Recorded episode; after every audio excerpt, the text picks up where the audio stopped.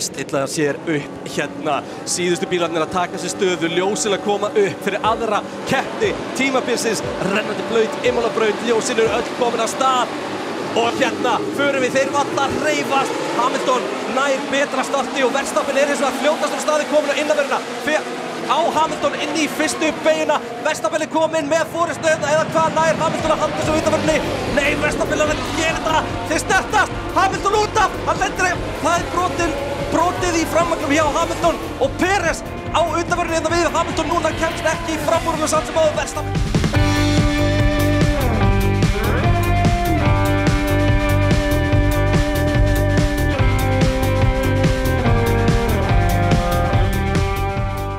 Já, Pitturinn hilsar eftir geggjaða keppnum í móla Mér líður eins og þessi keppni hafi verið bara, það var jafn mikið drama í henni og yfir bara heilt keppnistímabil.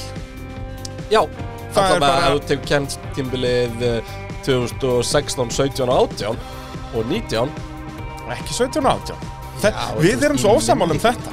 Já, það er náttúrulega líka út af því að þú ert uh, það rennur messageblóð í þínum æðum Það, ok, ég, ég get ekki beðið eftir þegar að tímabili var hálna núna og Verstappen og Hamilton eru búin að vera þremistífum undan, þremistífum fyrir aftan bara TikTok, TikTok, síðan vinnur uh, Verstappen tvær keppnir í röð og, og þá verður þú að segja, já það er samt ekki fræðilegur að vera meistari, alveg svo hann var aldrei möguleik að vettilegur meistari 2018 Eh, sem að þú varst handvissum þú hefur sagt það hér í þessum þætti Vettil átti aldrei möguleika á að vera meistari 2018 Við vorum að byrja bara, ætlar strax að byrja að tróða ykkur Ég ætla bara að crossvestaði hérna bara eftir mí- mínútu að að þetta leita hérna með þetta nýjum kóara fyrir Portamá Þetta er rétt, Já, þetta er ég það- veit það, hann átti samt aldrei sjens Já, Alveg svo Vestapen mér þó ekki að senst núna eftir hálftíðumbil þegar hann verður samt að vinna hver heldur að vinni?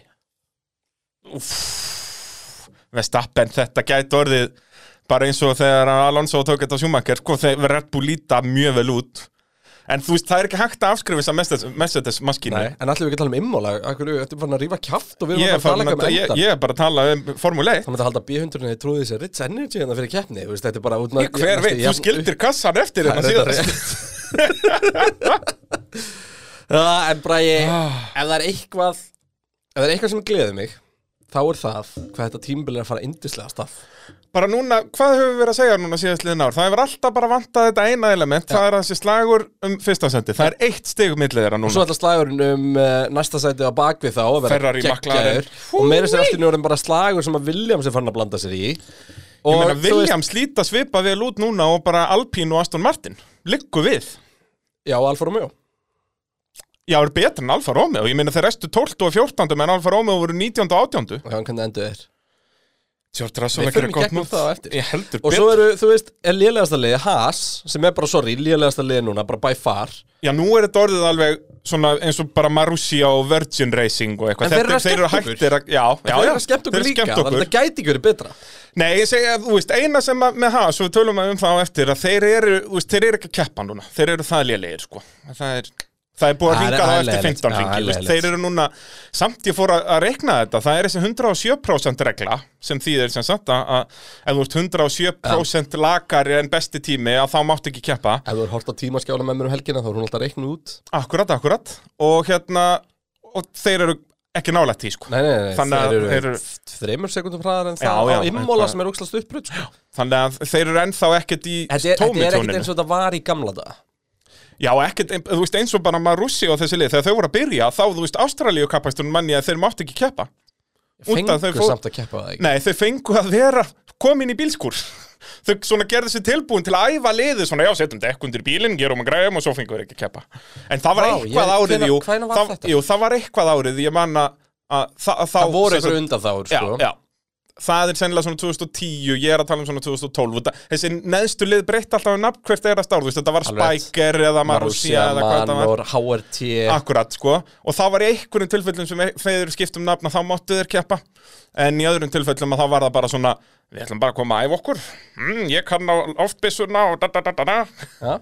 Þetta er dásanlegt Message ætti kannski fyrir að æfa sig á svo loftbissu þannig að hæra meina framann Já, b- b- þetta, það verður nóg um að ræða Kristján, það er ótt að segja það hér í Nóa Sirius stúdíó eh, við podcastaðurinnar Og uh, já, við uh, erum með góða fréttir Við erum með góða fréttið því að eh, verkfærasalan er nýjasti samstagsali pitsins. Heldur betur, nú getum við farið að bóna verkværan okkar upp í bónstofu sem við fáum úr verkværasölunni. Vá. Bara bing, bara búm. Þetta er einhvern veginn bara svona fullkomur ringur. Já, ég held það. En, en, en öllugan er sleftið það var þetta geggjaða samstagsali, náttúrulega með Ryobi og Milwaukee og allt þetta bara topp, topp stöf. Ég sko, ég ætlaði, var eitthvað að spáði eitthvað að lesa upp bröndin sem uh, verkfærasalan er með. Já, við höfum samt bara svona einn og hálfan tíma. Það er akkurat málið það, Þannig að þú veist uh, Ég hugsa að hlustendur Pits- Pitsins vilji frekar fá að heyra hvað okkur fannst um Immola Já, Spæði sem hvað ég fyndi að fólk nenni að hlusta hvað okkur fannst um Immola þetta er magnað. Þú veist, Sko bara ef við myndum segja fullt nafn á keppninni og alla, all, öll bröndin sem að verkværasalina með að þá er komin alveg góður klukkutími held ég. herri, þurfum við ekki, ef að fyrir keppni Þurfum við í keppni Hver getur sagt Já, að þjálla? þú, Nei, betur, þú Já. byrjar Býtu, ég þarf að googla fyrst nafnið á þessu. Ok, ég skal byrja Formula 1 Pirelli Gran Premio del Made in Italy e dell'Emilia Romagna 2021 Ég er ennþá ekki búin að googla þetta sko, ég kann ekki tölvu. Sex tungumál hjá mér Já, ég held það, þú varst alveg að skipta um, um hérna, Formula 1 form... Pirelli Gran Premio del Made in Italy e del Emilia Romagna Það var mér þess eitthvað meira Nei, síðan endar það bara 2021. Á ég að prófa Já, það. prófa það Og ég er að lesa þetta bara í fyrsta skipti, þetta er ótrú, þetta er, ó, pressan maður. Formula 1, Pirelli, Gran Premio, Gran Premio del Made in Italy e dell'Emilia Romagna 2021. Já, en akkur 2021 eh, Þú kallt ekki að segja 2021 á ítlensku Já, Já, alveg eins og ég Ef Ég hætti um íslenskuna bara í staðinn sko. já, já, þetta er, þetta er rock solid. Segðu, segðu Uh, en ættu við að bara byrja á þessu hér eða? One light, two lights, three lights, four lights, five lights. And it's go, go, go! Senna is trying to go through on the inside and it's happened immediately. This is amazing. Senna goes off at the first corner. and James Hunt is the world champion. And he's going through. Oh my goodness, this is fantastic. And if you no longer go for a gap that exists, you're no longer a racing driver. And look at that! That is Nigel Mansell. Já, þá er komið að sögustundinni og Bræði Þórðarsson er mættur í stúdíóið. Ah, já. Kristján verður að fá að halla sér aðeins aftur í stólnum. Fernando Alonso tapaði fyrir liðsfélaga í tímatökum í fyrsta skipti síðan í Malasíu kappættunum árið 2017.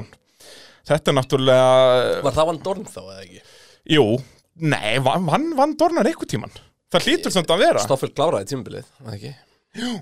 Þannig maður að sé orðið setni part tí- Við vorum tímabil. alls svolítið ósamlega vann Dorn Já, þú fílar hann en ég ekki Það er eitthvað við hann sem ég fíla sko Hann er ágættur núna í formúli E.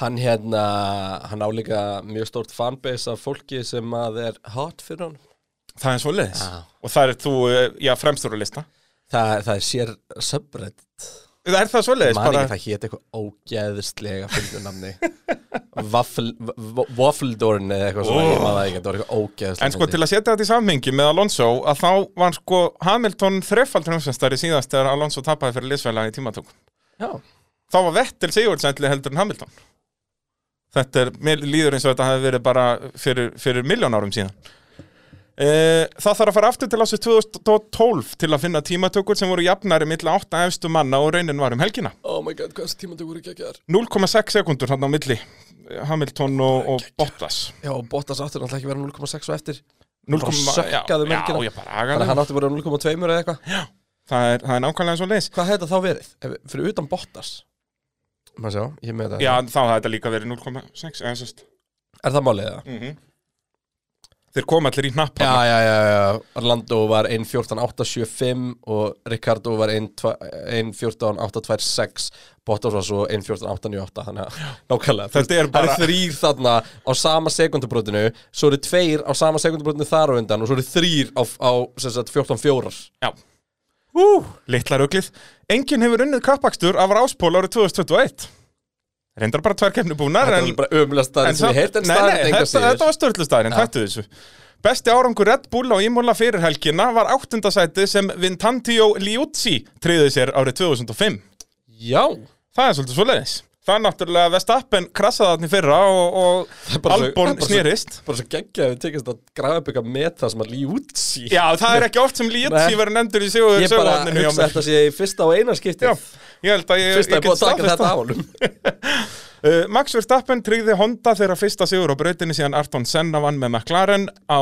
eh, já, McLaren Honda árið 1991 Það er svolítið fallegt Það er fallegt að tala, 20 árum setna tala um Arton Senna og Ímóla, það er alltaf romantist Já og sko verstappin er ekkert ósvipu típa að mörgur leiti Já, í nákvæmlega.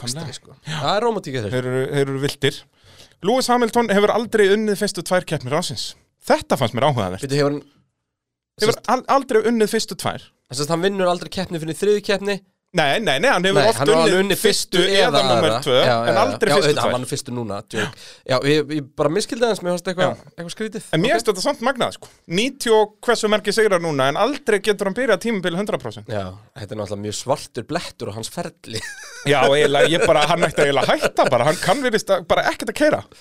Uh, í fyrsta skipti síðan í kynverska kappastunum árið 2012 voru tveir brettar á verðlanapalli. Það er alveg langt síðan að við Bara fengum þá Böttun eða? Button og Já, Hamilton og Hamilton eða. báðir á, á, á en þeir, McLaren. hvoruður þeirra var uh, í fyrsta seti, þá voru þeir báðir á McLaren, en þetta er öðru náttúrulega þriðja. Kína 2012, þannig að hver vann? Kína 2012 Já. Var ekki Fettel? Nei, Nei, Kína 2012 það var alltaf eitt lið sem var alltaf, vann bara á Kína en aldrei neins annars þar. Dóttu Eh, út um mér Mercedes. Var, uh, var það Rosberg Já, Og hann vann hann síðan aftur 2013 minnum. En, ja, Það er nei, satt eitthvað þá, þá vann skrítið að segja Hamilton. að vann bara í Kína og hverju annar staðar Þegar ég Já, man bara en- til Mercedes að vinna hverja einustu braut á síðust árum Fyrir Ég 2014 hugsaði þetta, en mér fannst eitthvað svo snemma Jú, það er rétt, þeir náðu í sigur 2012 Gott ef þetta er ekki þeirra fyrsti sigur hérna á, sem sagt, eftir Nei, comeback þeirra fyrsti sigur Var það Kína 2011? Jú, það getur. Nei, það var Ungverland 2011 Ertu viss? Það held ég, því að ég man bara að, að ég man að uh, já, ég er eiginlega alveg viss uh, Það hefur þá kannski verið fyrsti 2011 ráspóllin í F1. 2011 Ég ég Kína ætla að fletsa upp því að sko Þú flettir þessu upp meðan ég sé tveimur síðustu dögum staðarindina setna þá hitti ég Ross Brown En það er ekkert annað Já. Ertu þú ekki að tala bara um 2013 þegar Hamilton var í Ungverjalandi? Mm. Ég held að, að hafi verið 2013 Og það var ekki fyrsti sigur þeirra sko Fyrsti sigurinn er annarkvort 11 eða 12 Þú ætlar að googla þetta meðan ég segi ykkur að já, ég er bara með horseshit Þú ert með hestahagðir 2011 vann uh, Lewis Hamilton nei, býtu, þetta er Ross Paul þetta er Ross, jú, Já, Hamilton vinnur alltaf Ungverjalandi Það bara fer eftir hvaða lið hann er með það, var- þetta var fyrsti sigur Hamilton í þokkabót þannig að hann er kom 2011, nei, ertu þannig, að þetta, var, fullorðin? þetta var, ég er að ruggla þetta er 2013, Já, það var fyrsti sigur Hamilton með Mercedes það, ég er að ruggla saman það var þannig Já. Þegar ég var- þetta er svo, svo langt síðan, Ég veit það níu ár Þetta er ég bara er líka, rögl. þú veist, maður er náttúrulega ekki búin að undirbúið sem þetta, en maður er ekki búin að rífa upp. en þetta var, þetta var fyrst sigur þeirra bara árinu í Ungarlandi eða Já. eitthvað þannig, Og gott ef ekki eini bara Þetta var allavega eini sigur held í Hamilton sko Mer- Mercedes-lið vann engan sigur árið 2011 Ok, þá hafa við náð ráspól í Kína 2011 og unnu síðan 2012 á Kína Þeir voru alltaf sterkir á Kína þarna fyrstu árin Á Ímóla 2005 vann verðandi heimsmeistarin, sjöfalda fráfarandi heimsmeistaran og ungur breyti var þriðji. Sá, sá breyti var meistari fjórum árum setna. Ertu að sjá þetta pattern eða? já, Norris verður meistari sérst eftir fjögur ár og Vestappen meistari í ár bara bing bara búm já, það er bara staðfest það er staðfest, sko, svo gætu við alveg fa- lesið ennþá meir í þetta shit, þá, sko, hvað þú eftir, ert farin að kafa djúpt í þetta eftir, eftir tvö ár verður þá Carlos Sainz meistari sko. Býta aðeins, býta aðeins, heyrur ég þessu? Ætti Ég að setja álpapirinn á hausuna með þetta álpappis hattinn hans Bottas vegst hann, vegst hann lánaðan þetta er sem sagt og ef þú vilt kafa lengra, þá eftir tvö ára þá verður Carlos Sainz meistari Já. út af því að hann kom frá maklarinn yfir til Ferrari og verður meistari með Ferrari eins og Kimi Rækonin gerir 2007 Alveg rétt, á Bara meðan að bing, bara tveir búm. maklarinn aukumennir að berjast um sigurinn en uh, Já, og hendur en- en... frá sér út í að þeirra berjast um mikið ymbris akkurat Já, alveg rétt, þetta, þetta er ekki flókið mál alveg rétt, hvort, uh, já, skemmtilegt Þannig að, uh, hvað, Þannig að þið getið- Norris verður annar og uh, Rick, Rick Nei, bara Alonso aftur bara Já. Hann fyrir bara aftur til Það McLaren er að fyrsta sem maklarinn vilja líka Eða bara, ha- draumurinn. bara gerum þetta alveg eins Hamilton og Alonso fara bara aftur um Ah, McLaren Hvernig verður Og það? Sainz fyrir meistari Þannig að hlustendur, nú getið þið Kimi. bara hægt að horfa á Formule 1 Út að ég er búin að segja ykkur Búin að spoila þessu? Ég er búin að spoila þessu Jöfullin Heyrðu, þá Það er, er er, að setja sö- spoiler alert á þá, þetta. þá er sögulestur í lokið, Kristján Já, Takk fyrir mig Þetta er náttúrulega erfiðara núna sko út að ég hér á síðasta ári sagði ég ykkur sögu ímóla og ég get ekki verið að segja hann aftur þannig ég verið að finna aðra staðrindir En sko, ég var og þá til í- er bara álpappi satturinn settur á og, Ég væri til í bara svona hálftíma af styrlum staðrendum um Formule 1 með Braga já, bara um, bara um alla áratugi og allt bara, Já, bara alls og konar bara, þú bara, bara podcastu byrja bara og nú hefst lestur við þyrtum sko helst bara henda í, í pubquiz bjóða á öllum að bar bara og þar get Já. ég verið sterkur það er náttúrulega búið að vera eitthvað sem við erum búin að tala um í hvað langan tíma bara frá því að eitthvað þetta COVID byrjaði og hvort síðan hefur hefur að maður gera ekki það eða, eða derhúðun undan Ég, það, heyrðu, þetta verður æsir spennandi, ég get ekki beðið eftir svona 2027 þegar eitthvað verður úr þessu þegar Kimi er búin að vinna aftur þarna með Já, Ferrari og nákvæmlega. Já, einmitt. Þetta verður veistla Já. bara, tí- já, bara núna eftir fjögur ár þegar Norris verður meistari að þá loksins verður pubquiz og við munum henda derhúum út í áhörundaskaran þetta verður þvílíkur draumur og Ritz Energy á alla Vá, því líku dagur þvílíkur dagur, heyrðu, ég var að tala um ímóla svona fyrst að við erum búin að vera hérna í svona 16 mínútur Herri já, hvernig væri það? það var náttúrulega rigning á sunnudegi Það er náttúrulega við að testa áhörund, nei, áhörundur, hlustendur hvort þeir séu raunverulega með okkur hérna já og hvort er vil ekki bara tala sko, gutt er það alveg að við blöðrum bara um eitthvað en erum ekkert að tala um ímóla Það eða neitt. myndi engin gúttir að það Það er til svona 800 podcast með aðlum sem eru sterkar Já, en því það er reyndar rétt að tala Við um reyndar ekki erum neitt. mjög góðir að bulla það er, við verðum að gefa okkur Það er alveg bara, ég, já, við erum báðið með smá munnræfu og uh, það, Þess vegna fer getur okkur vel að vera í vandamál. podcasti. Já, engin, engin tímatakmörk hérna Herðu, á hverju eigum við að byrja hérna á ímála? Eigum við bara að fara strax að, að hérna, í, í leiða upptalninguna eða hvernig, hvernig ætlar að gera Já, þetta? við erum Christian? ekki að bara byrja á, uh, já, hvernig byrjuðum við? Byrjuðum við á Red Bull, sem segjum við erum, hvernig gerum við þetta aftur? Nei, við ekki förum bara alltaf að byrja á eftir Mercedes sem við byrjuðum líka við Já, þetta því að við, för, við förum eftir sko, stöðu liðana í keppni bílasmiða Ok, Störlu okay. staðrind sem ég sagði ekki í, í staðrindabankanum að efstu sex liðin heldu sínum stöðum eftir fyrstu tvær keppni sem er Já. mjög sjálfkjæft ok, áhugavert, áhugavert Og ég Sko- spáði þeim líka í þeim stöðum ef ég, á- ef ég á að hendi í spá Ég held að, að bara keppni bílasmiða muni ekkert breytast milli efstu sexliðana allt tímabilið Nei, ekki nema ferri taka ekki á stökk og getur ráðist á McLaren Já, en alltaf svo stutt á milli að það niðri núna samt sko Já, já, þú veist, í- næstu keppni muni döruglega flútera Svakalegt bil frá Ferrari bara og svo aftur í, í Þetta, næri hlutan nú erum við búin að missa svolítið þennan fjögra liða slag, mér, mér sýnist það að þetta er maður klaran Ferrari að berast þarna Já. og svo koma þau í rauninni tvö, Alfa Tauri er náttúrulega bara sjálfum sér vestir eins og við munum fara í gegnum Já. og Aston Martin er ekkert að hjálpa sér heldur na, bara Aston Martin er Og ekki nógu Alpine er góður ekki bíll til. Ná, Alpínin er bara, Alpín og Aston Martin er á svipuðu stað, við förum yfir þetta hérna á eftir, ég var að byrja á Mercedes Já, uh, sko, ef við byrjum bara á því að uh, tala um Mercedes Sir Lewis Hamilton eins og bara ég er búin að koma svo snirtilega fyrir hérna inn í uh, skjálunum góða, ég fer ekkert að ljúa Uh, á Ráspól klárar keppna annar, Valtteri Bottas ræsir áttundi, klárar ekki keppnina sko, ég held að fyrsta ég held við þurfum að ræða ég held við þurfum að ræða Mercedes og Red Bull svolítið í napp Já, já, eins og við gerum yfirleitt Já. Þetta fer allt saman um, Hamilton og Verstappen að sína bara hversu sturlaðir aukumenn þeir tveir eru Þeir Og- eru bara öðru lefili, eins og þú hefur verið að tala um núna bara í tvö ár algjörlega, og ef við, bara- ef við ræðum tímatökurnar bara byrjum á því þú veist, þá er náttúrulega bara þessi spurning sko, af hverju var svona miklu minni munur á Mercedes og Red Bull í, á Imola heldur en í Bahrein og það finnst Já. mér bara að vera stóri umræðupunkturinn og ef maður En Mer- varpa þeirri spurningu til mín sko, ef að við færum aftur til Bahrein núna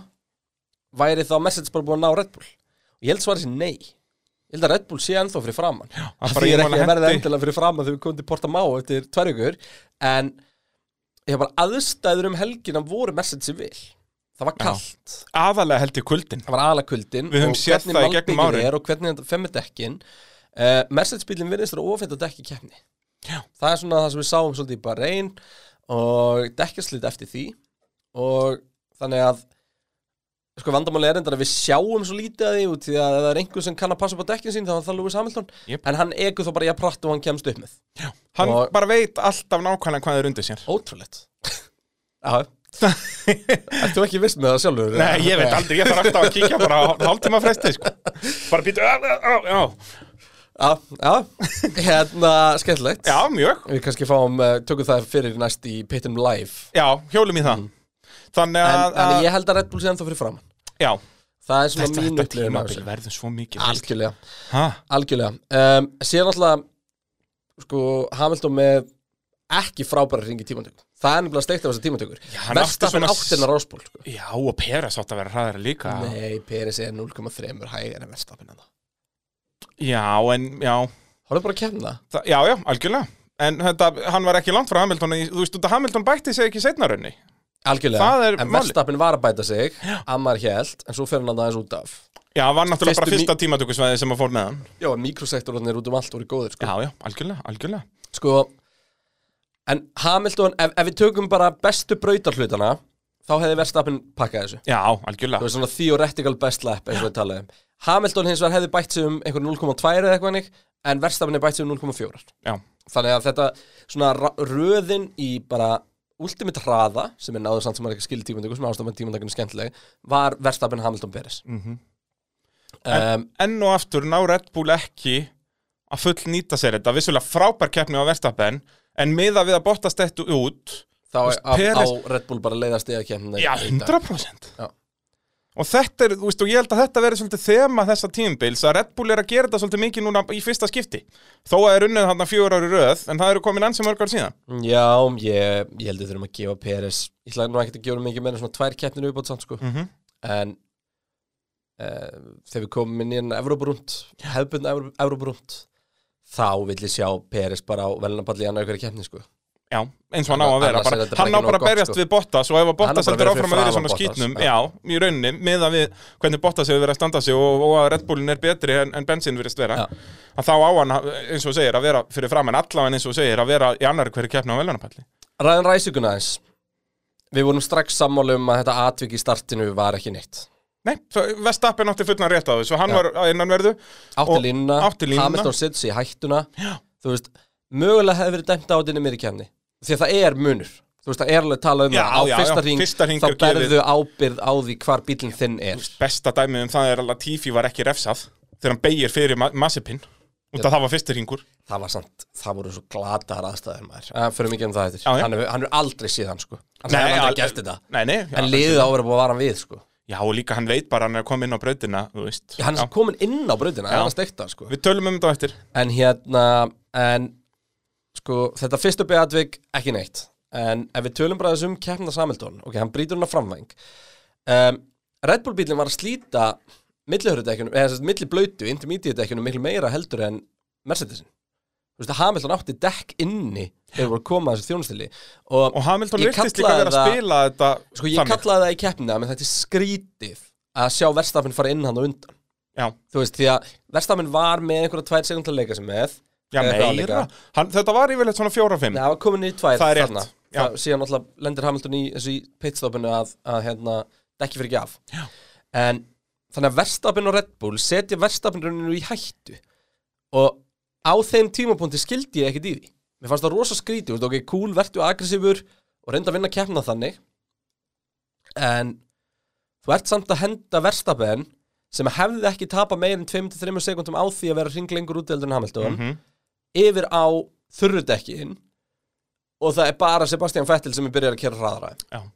og það var ekki alveg að make a sense fyrir mér Nei, sko. en en þetta ég átti ekki efast Já. skilur og þetta er uh, hárétt kallhjáðum skilur Þeir En- hafa líka bara en verið þarna lindir á var- skjáin hvað Vettel var Já, að gera en þarna þarna var punkturinn sá að gripi var farið úr dekkjunum hjá verstafinn og, og Hamilton átti sekund og hringa á hann Já, bara á þessum tímapunkti Þannig og að- líka bara hvernig Hamilton sem sagt, Vestappin náði ekki að sem sagt, keira sig frá honum sem komir pínu á óvart hann gera það alltaf fyrst Já, kemur sem sagt, sér upp í einhverja fimm upp í fimm sekúndur sekúndur og eitthvað. svo ekkert meiri raun Já, en þá held ég, þú veist, þá var hugmyndi bara svolítið svo, er ekki verstafinn bara núna að að spila, jú, spila, þú 100%, Það er 100%. og alla sömu lí- leiðis Hamilton, hann vissi að hann get ekki gert árás á þessum kabla algjörlega, alla líkur á öryggisbíl alla líkur á einhverju ruggli já, og bara, og bara, þú veist erfitt bara að taka eigum fram úr dekkin. þegar að brautin er bara jafn breið og Já, bíliðin eða það bara er eig, þurralínu eigum dekkin, skilur Algjörlega. Og verstafinn alltaf, já, ég minna, þú veist, ef þetta eru í slagur eða verstafinn geta varist svo þægilega hálfarinn og sko Þannig að, hérna, þannig að það var spurning En síðan sem sagt, ég ætla bara að klára að tala um Hamilton Mhm. Því að ég held að við þurfum að ræða botta svolítið mikið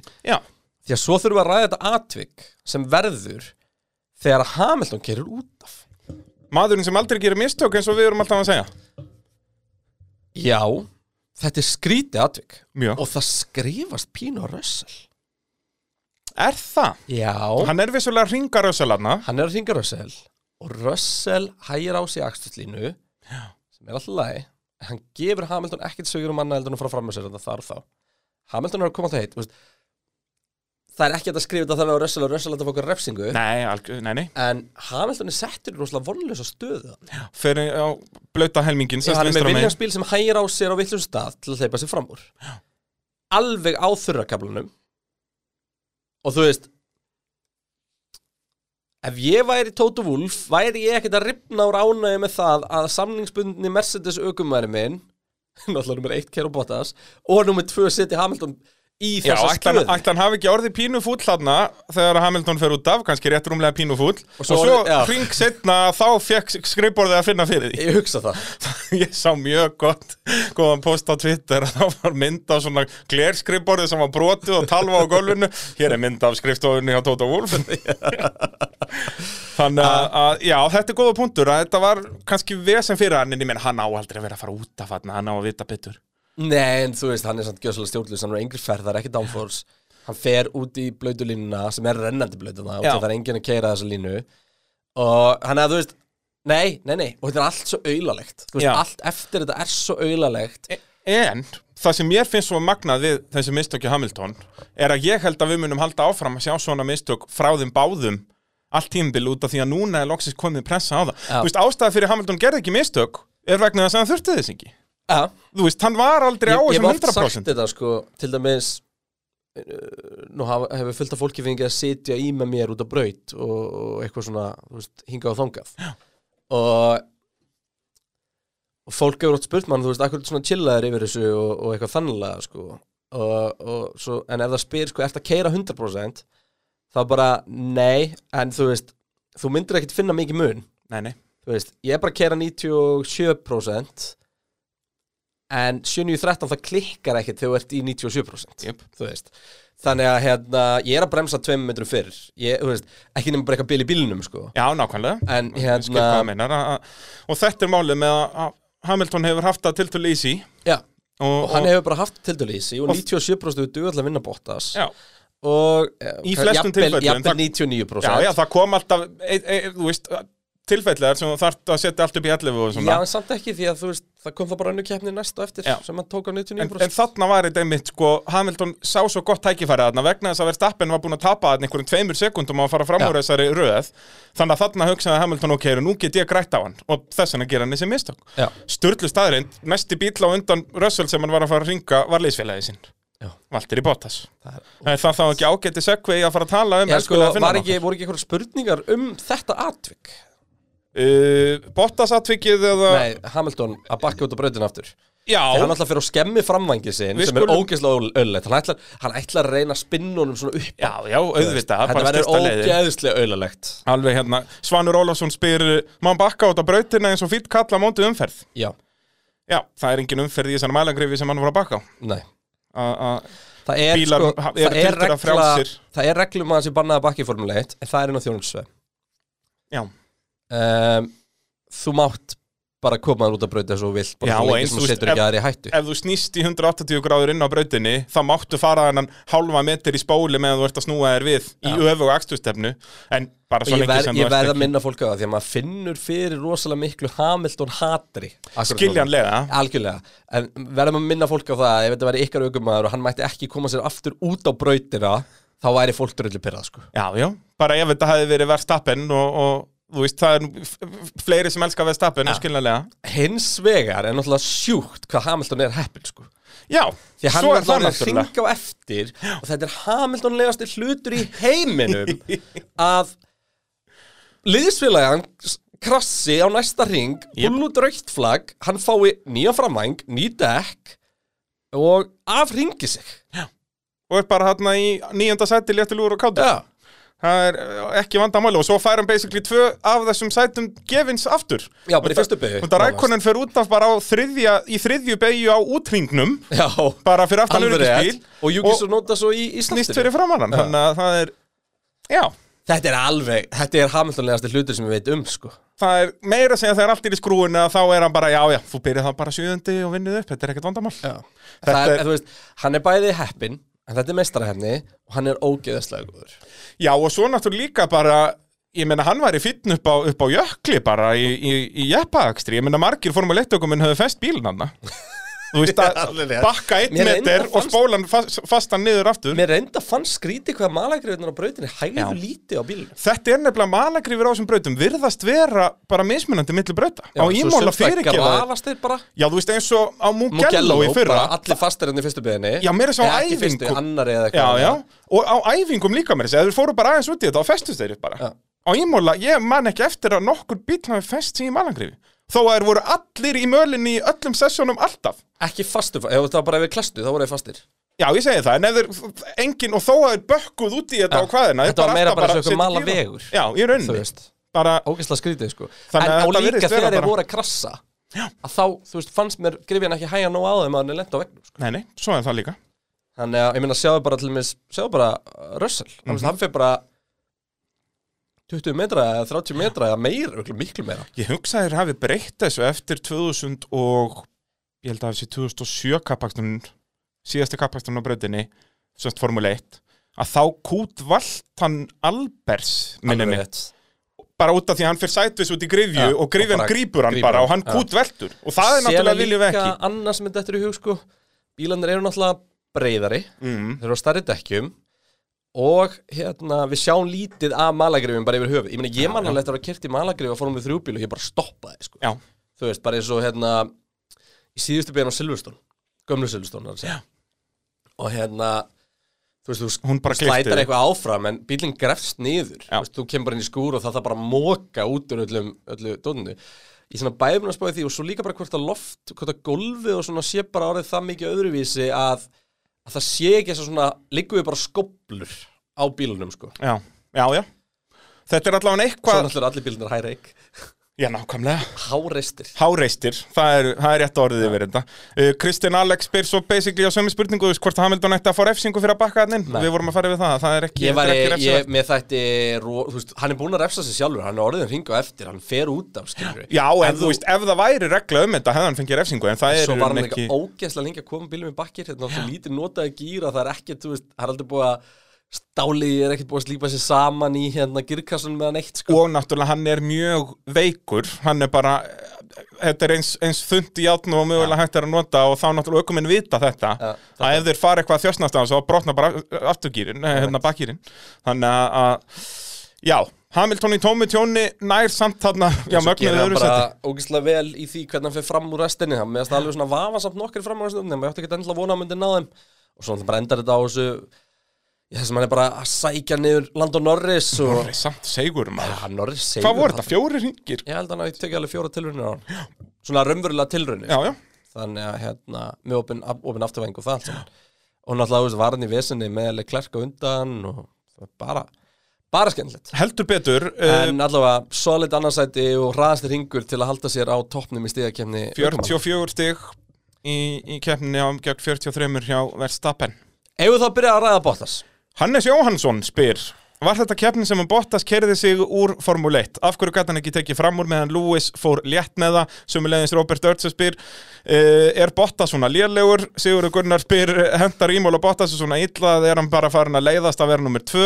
Ívar Örn Haldásson spyr uh, Ef slegt uh, gengi Bottas heldur áfram geti Messi skipt honum út í hálfleik þar sem að miði tímabili Bottas aftur í Williams og Russell í Mercedes Kristján Átti Einar ekki, átti Kristjánsson ekki fleiri, hverja á ég að svara Já, bara byrjum á af hverju Bottas var svona lélugur Er hann bara svona lélugur eða er, er þetta ímóla eða hvað er að frétta hann? Hann brókst liðlu rigningu Já, hann síndi það og sannað að Tyrklandi fyrra Guðminn Almatur Þannig að, að, já, en þú veist sem er tímatakan ógeðslega liðlegt út alveg upp í Finnlandi Já, Þú veist, akkur Þetta er ferði mjög til leiðinlegt. Finnlands að kera bíl til að kera á klaka og Já. ís og eitthvað ég skil af hverju Peres er lélugur Hann hef- sá ekki rigningu fyrir hann var 22 Ég er bara fyrir að koma til Breitland Já, en hérna Já, vissulega, en náttúrulega Bottas elst bara upp í gókvært eins og allir aðrir Hann er, jú, ég fór eitthvað í rally og eitthvað en, en Er ekki Bottas jafngamall og ég?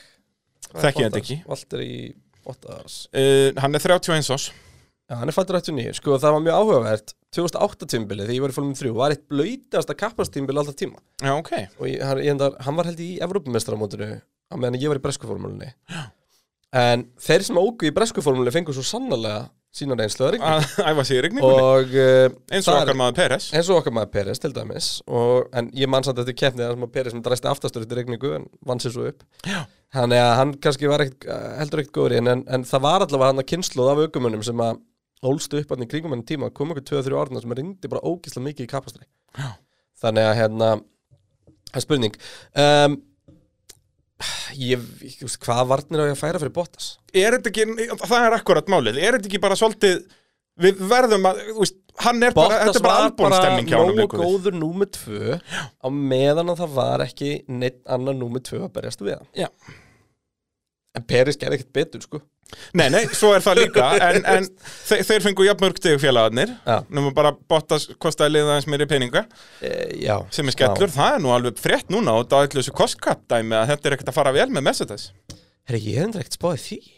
það, Toto Wolf sagði þetta í viðtali að, að þetta er alveg, þetta er ekki gott og út af þeir náttúrulega Mercedes eins og þeim einum í lagið að þá er sem sagt, öll tolerance bara í, í 99% Einmitt. og það kemur líka peningunum þannig að þegar það er rústa bíl að þá, mm, við eigum nú bara 1% eftir Það sko. var bara, bara Þú- búið að þú fer að þríhjól- hérna Föstudags hátegismatinn í einni vesmiðinni Já, e eitthvað svoleiðis sko. það, er hérna, hann, hann Bob sprautar en hann fær bara hrískrona sem eftir tímabils þannig að- að að- já, þetta leggst ekki við liðið allavega ekki jafnvel og það myndi Nei. gera ef það væri ekkert að kostkap En sko, við sem ekki glemma að Bottas var hraðastur í æfingum 1 og 2 Já, Hann var bara ekkert eðla lélur í tímatökum svo bara, já, og hann var eh, Ertu bara að sjá einhverja skýringu á því? Hann var hraðar, í Q1 var hann hraðar en Hamilton Akkur var svo ógæslega lélur í Q3 Er þetta ekki bara þessi braut sem að er svona, það þarf svo mikið svona commitment Sko, það er líka bara skrúið einhvern veginn allir upp í Q3 nema hann, sko Og eins og sé, hann er ennþá bara 0,6 á eftir eins og hann hefur bara verið en, en venjulega er það annað eða þriðasætið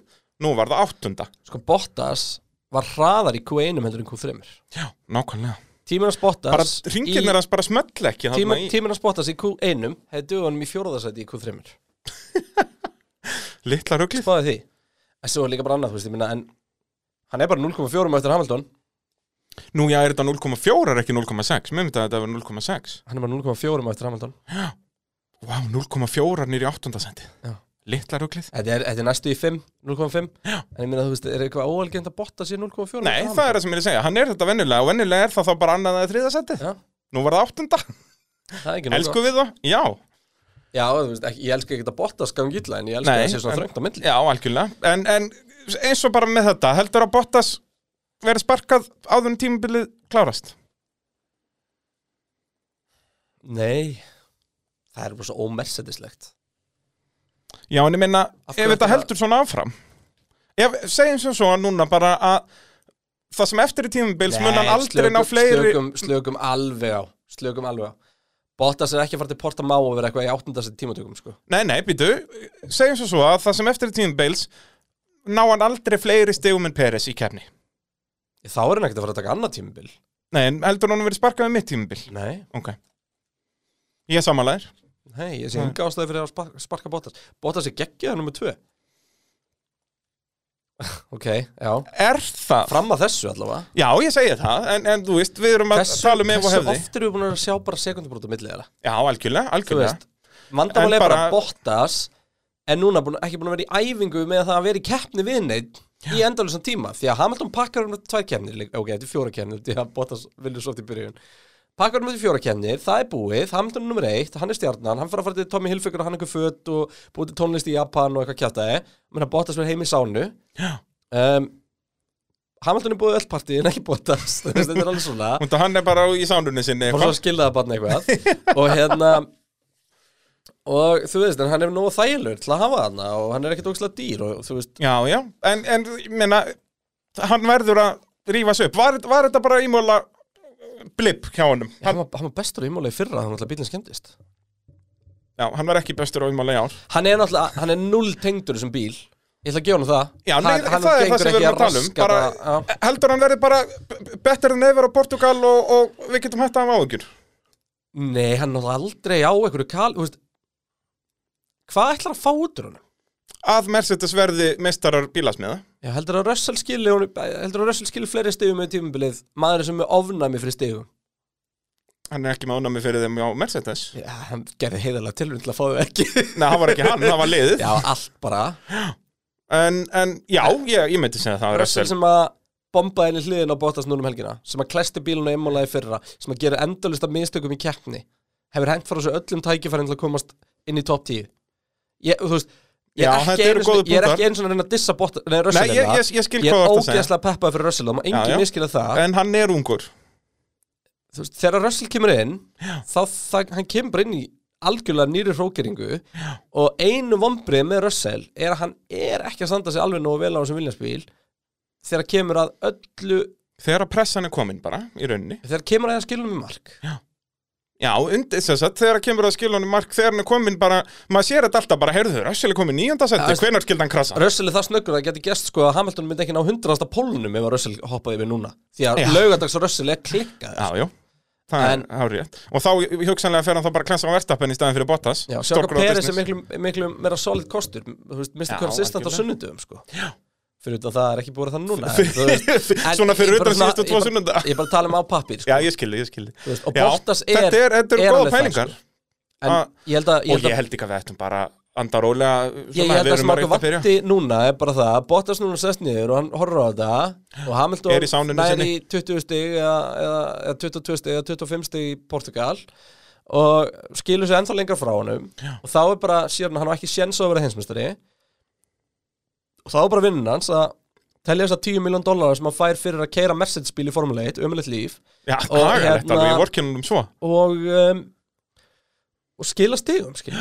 og Já, já. ég, þú veist hvern annan á grittinu myndur vilja taka fram í hérna bara svona, bara Ef ég kafmat. mætti velja hvert bara, sem er maður- maður bara velja einhvern annan fyrir utan, fyrir utan bara number ones sem verða alltaf bara number ones Peres já, fyrir tímbilega ekkert sem ég hef gert það sko akkurat núna er ég heldur ekkert sem ég hef gert það ég Peris er búin að skila hvað mann ykkur stigum á þessum Red Bull Já, nei, ég er bara að segja, bara núna, þú ert, þú ert Tóta Wolf og, og þú hefur hérna, það er fullkomlega eðlilegt núna að þú mátt setja Peris í staðin fyrir Bottas, gerur það? Nei. Ok. því að það er fullkomin stöðuleiki að halda Bottas ég Mhm. veit hvað ég fæ frá honum ég, hann þekkir liðið út og inn og bílinn og allt þannlega og ég meina Ok. það síðasta sem að, það síðasta sem Mercedes þarf okkur núna er Russell í hinbílinn að fokki Hamilton Já, já, svo er það náttúrulega líka og það er, var nú stór, reg, uh, stór frétt hérna fyrir Imola að, að það er bara kallt hann á milli verulega, þeir talast ekki saman, Hamilton og Russell.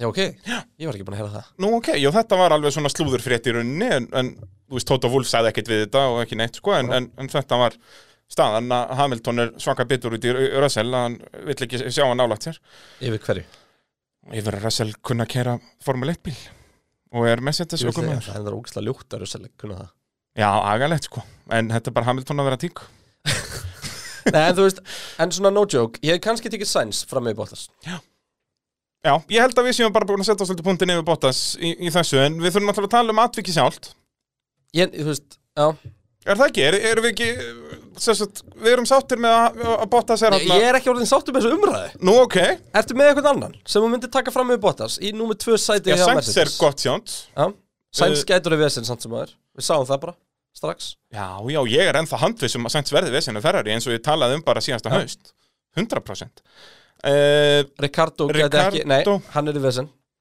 Hann myndi fara að fokki Hamilton já, Norris myndi fá hann- fokk í Hann Hamilton. kemst ekki með, með tatnar hann sem Norris sem með hælana þannig að við skulum halda hestunum okkar Já, já ég Það er líka, við þurfum að ræða það Já, við á eftir. þurfum að ræða það eins Já, þetta er- Ég er þetta að er- gefa öllum þessu nýju gurum fjóra kemnir Ég er búin að ákveða Já, já, maður Síðan verður ætla að ég gera að- það Síðan verður hengdir í byrjunum Út, wow, hvað, ég, við við verðum með svona bara brúður hérna inn í, inn í Nóa Sirius Vekkur Sirius-stúdíónu af gálgum Og svo bara, allar að hengja þennan, nei, hann má lifa Já, það er svona svo coolvoli í hérna í þetta toppir Þetta, heyrðu, það verður vídeopittur hérna eftir fjörðu kefni þar sem Já, við já. förum að hengja ökumenn hérna Ótrúlega falleg, falleg Já, þáttur við óskum eftir þá einhverjum svona sem að kunna sauma dúkkur fyrir okkur Þau- það þarf að senda okkur dúkkur á öllum ökunum og við munum hengja svona, e, já, þó nokkra hérna eftir, eftir fjóra kefnir En svona, þú veist, þannig að Þetta fatta hvert ég er að fara með þetta Já, 100% og ég er samanlegaðir að, þú veist, við megum ekki, við þurfum aðeins að halda höstunum okkar núna Því ég rætti þetta í fyrra þegar Já. Fettel fór Akkur taka ferri ekki bara Bottas algjörlega bara, Og því að það væri bara svo hjút skarð fyrir Mercedes að fylla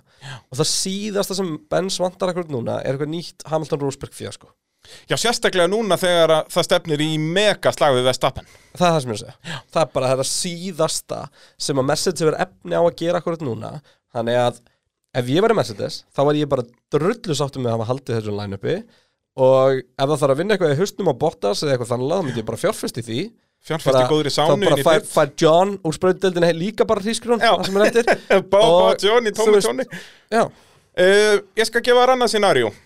Það eru búnar 15 keppnir á tímabilinu. Við erum uh, rúmlega hálfnuð og uh, Bottas er búin að vera að gera svona ein og ein svona mistök eins og í, í, í móla þess að er búin að eiga svona slæmar helgar Já. ein og eina en samt líka alveg búin að, búin að vera solid en, en Mercedes eru núna 36 stegum á eftir Red Bull Mhm. gera þér ekki neitt fá þér ekki rössal í, í hinn bílinn Nei. okay. hvað þarf að gerast til að það gerist er það bara ekki að fara að gerast Á þessu tímbili? Þú veist, jú, jú, ef að Bottas hvert skýtur Nei, ég en sé það er ekki náttúrulega bara ekkert Bottas að fara er bara ekkert að að gerast fara að kveld skýta Nei, ég segi það, en hann þyrft að, hann þyrft að vera bara alveg út að ef hann, Bottas er hins vegar, það er svo sko Hamilton ef, ef við myndum segja að þú fengir eitthvað x, m- þú veist eh, marga hefnispunkta yfir tímbilið per lið, var Hamilton það alla þú veist, það er ótrúlega fyndið sko já, já, það er bara það er Vesin nákvæmlega er svoleiðis. alltaf einhvern veginn Bottas minn meira segja bara, þú veist, ég má bara hissa að það var eitthvað vesin á, á Hamilton í pittinum sko Já, akkurat, þú, En það þú veist, er en alltaf svona var- ekt en að gerast Það fyrir var fjórar Bottas sekundir, ef það verið Bottas það verið tólf Já, og að þeir hefur sett vittlust ekkundir og allir pakkin bara Þannig að þú veist, þetta er eitthvað svona Já, ég hérna Ég svona Hann er allavega- náttúrulega, Hamilton er Team JC Hann er með Jesus Krist að að fylgjast með sér Já, Together we Þannig að rise Já, nákvæmlega ég meina, Nei, þú- still we rise Sti- Still I rise Já, I rise auðvitað. Já, já, bara grjótarður Það er ekkert I í team það er þannig að, að maður skilur það alveg þessi botta setur ykkur trúleysingi í maður Hvað um veistu með það? ég, ég segi svona En hérna, þú veist Þannig að nei, ég, ég myndi ekki gera neina breytingu Og Nei. þú veist, þetta snýsandi ekkert um þú veist, Langa með að sjá Russell í Mercedes Já já, já, við munum sjá það En ég er á en pínus meiku með Russell sko Ég er það, já, Ertu ég að hæpaði fyrir Russell núna og ég sakir í fyrra? já, Er það? Já. Já. það Hann er, er með raðan sko já, já, þetta var bara slæm helgi Það er bara eins og hjá Bottas, þú veist, þú ert Já, að hann segja er að bara- Bottas verið svo lit að ég segja að Russell verið, Russell nær stíga á sem Williams í ár, 100% eins og ég sagði fyrir tímabil. Já, ég held að sé heila gefið núna sko Já. En hérna, fyrir utan það bara að hann virðist vera með bráða honami fyrir þessu Já. það er líka, bara um leið og maður sér stöðuna, heyrðu, Russell komin í tíundasetti Þá verðum að peppa þar og fyrir að tala um það og Nei, eitthvað svona þá, dót. nú er ég bara að byrja að býða bara, heyrðu, þannig er vekkur og vekkur og vekkur Já, ákvaða bara- vekk allar að klessa Þú við slúið bara að kveikja ombordinu hjá þessu Já, nákvæmlega, Og fylgjast bara. með því Það er nákvæmlega svo leiðis Já, það er- það er- það er- það er gott shot Já, uh, atviki sjálft Já, Þurfum að tala um það Já. uh, Eigum við ekki bara að klára að tala um það núna eða eigum við að býða með að þá getum við tölum um Williams við slum tala um núna Ok. Það er allir að býða þegar við tölum um það allir að býða Og við ætlum takku stutli Já, uh, Þetta gerist á hvað, 30. öðrum ring það ekki Já Og, og hérna bara hálfum ring eftir að Hamilton kvelds gett þarna Tóto ekki sáttur og hvað er það sem gerist, Kristján? um, Russell fer út í smá bleitu og spinnar inn í hliðina á Bottas Ekki flókið vandamál Nei, minna, hvað ná ég að segja? Og Bottas er ekkert að loka á Þú hann byrjar að borða á munum að tala um svona dramatist atvik uh, Nóa sér í stúdíóið er að gefa og að sjálfsögum fer í beint í súkulegði Já, já, Það er bara svo leiðis, já, ég verið það takk Hérna, Hérna, nei, en, en þú veist, svona ég fúlist alveg það var bara, þetta er eiginlegt flóknar en það Fyrst þá var ég bara svona, byrju Bottas fyrir eitthvað fyrir hann og eitthvað svona Bottas gerði ekkit vittlust hann Nei, ég menna hann er bara að halda sinni axtus línu Já, það er bara, þetta er, þetta er svona, þetta eru skýta aðstæður Það kemur akkurat svona smá sveigja í brautinni Akstuslínin er að svona sveigjast þarna yfir Bottas skilur eftir plássur í bíl mm. Breytast reglur um brautatakmarku til að koma í þurr lína? Nei Nei En Þó að þetta sé vissulega, er þú einhver, veist er einhver, þú veist er einhver uh, gentleman's code um hvernig þú átt að haga þessu stöðu nei Þetta eru bara erfiðar aðstæður og Þetta eru það bara erfið aðstæður og shit happens sko. Mhm. það bara var svolítið dramatist þetta voru tvei message-sögum að kera okkur annan og það var carbon fiber konfetti út um alla braut pluss uh, fröðplast Skiltin, já, konfetti, og- konfetti. Það er ekkert, ég við töluðum um þetta í útsendingunni Það er ekkert betra en fröðplastkonfetti á breytinni Já, þegar það splundrast Besta var samt að Kimi Rækonin var fyrir aftan þá og, og kemur Já, já, við voru að klessa hérna fyrir fram að mig eins og sannur Kimi Rækonin, þetta er það besta sem við veitum ah, Líka, það er bara þið tókuð ekki eftir þá komið raukt flagg og þeir eru múin að klessa hérna. þennan Já, og síðan, og síðan kem, þú veist, hálfur minning setna er að segja, heyrðu já, það er alveg svakalega mikið að svona debri á brautinu og eitthvað Rækonin, já, ég sá það Dáinsamlegu maður Ah, hérna en allavega, það hérna eh, það er, uh, þú veist ég ætla, ég ætla ekki að skrifa þetta alfarið á Russell Nei, nei, nei, en, En ég sagði í útsendingunum þetta væri 60-40 ertu komin meir í 70-30 Já, núna? ég er svona þar Já. Þú veist, Ég Bottas- er jafnvel alveg í 80-20 sko. Já, jafnvel Ég er eiginlega bara farin að skrifa þetta alveg á Russell, sko uh, og svo náttúrulega hvell skeitur Russell í viðtölum og svona eftir þetta Já, náttúrulega líka landi hjálmin hjá Bottas Mhm. mm Þeir voru eitthvað aðeins búin að gefa upp hvað fór þeir á milli en vildi ekki draga þetta og ég get alveg sagt þér það að það var eitt stykki austuríksku gaur svona alfameil dauðans, heiti Tóto sem sagði þeim að grjót halda kjafti já og þá kemur Russell á fjö- samfélagsmiðlum hei, fyrir ekki, bara það var ó- óvart Já, já, þú veist það var, þú veist, er ekki, var ekki ykkur að kalla eftir að fengi ykkur að refsingu og eitthvað svona jú, maður sjá, hérna býtu, Óli Jón spyr, hvað er Óli Jón að spyrjum Eh, hvað finnst ykkur um að Tóto hafi hent eh, Russell undir rútuna og kent honum um atvikið og hann uh, ætli, að- ætti að vita betur af því hann væri Young Mercedes driver ég persónulega er alveg snældu vittlaus hann Óli Jón að, að Russell hafi verið hend undir rútuna já, mér sýnist, Já. mér sýnist það Nei, Nei, ég, ég er, hann ég má er ekki alveg hend stendur undir vitlaus. þessa rútu, sko Já, það er bara gullfallegt Hann Mér- smíðaði rútuna sem hann var hend undir sko. Þú veist, en þetta er ekkit eitthvað eh, Tóto er ekkit búin að vera að segja eitthvað bara, að Russell er fáiði fyrir að hafa gert það eitthvað Hann þannig að bara þú veist- sagði að þetta var rössal að kenna og hann er Já, búinn að segja sorry og, málið sko, er Og stendur mér finnst það bara heiðalegt því Það Já. væri líka bara ekki, þú veist, við heldur ekki glemja Við vorum að tala um að halda bottaskóðum og tímabili og svona Það var ekki lægi ef að Tóto færi svolítið að upphefja gæjan sem er að fara að taka sæti af honum Já, ég fyrir meina það, atvik mynd, sem þeir lendi saman það myndi fara í hausin á Bottas og þá, þá fer illa með tímdænemikið hjá honum Já, ég Þannig held að- það Það var einna, við erum alltaf að spyrja um það Haukur sindri spyrja um það áreistur millir Botts og Russell Hverjum var þetta meira að kenna í eitthvað mati Russell, eitthvað persónlítið í gangi? Nei Nei. Það er líka, þú veist, nei Þú ert ekki að leika þér að því að spinna á 300 km hraða bombin hliðin og öðrum bíl Nei, og ba- senda ba- ykkur bara út báða að þú gryfjurnar. þólir ekki gæjan Á staðnum sem Arton Senna dó bara djú, eitthvað pyrraður út í gæðanum hliðina sko.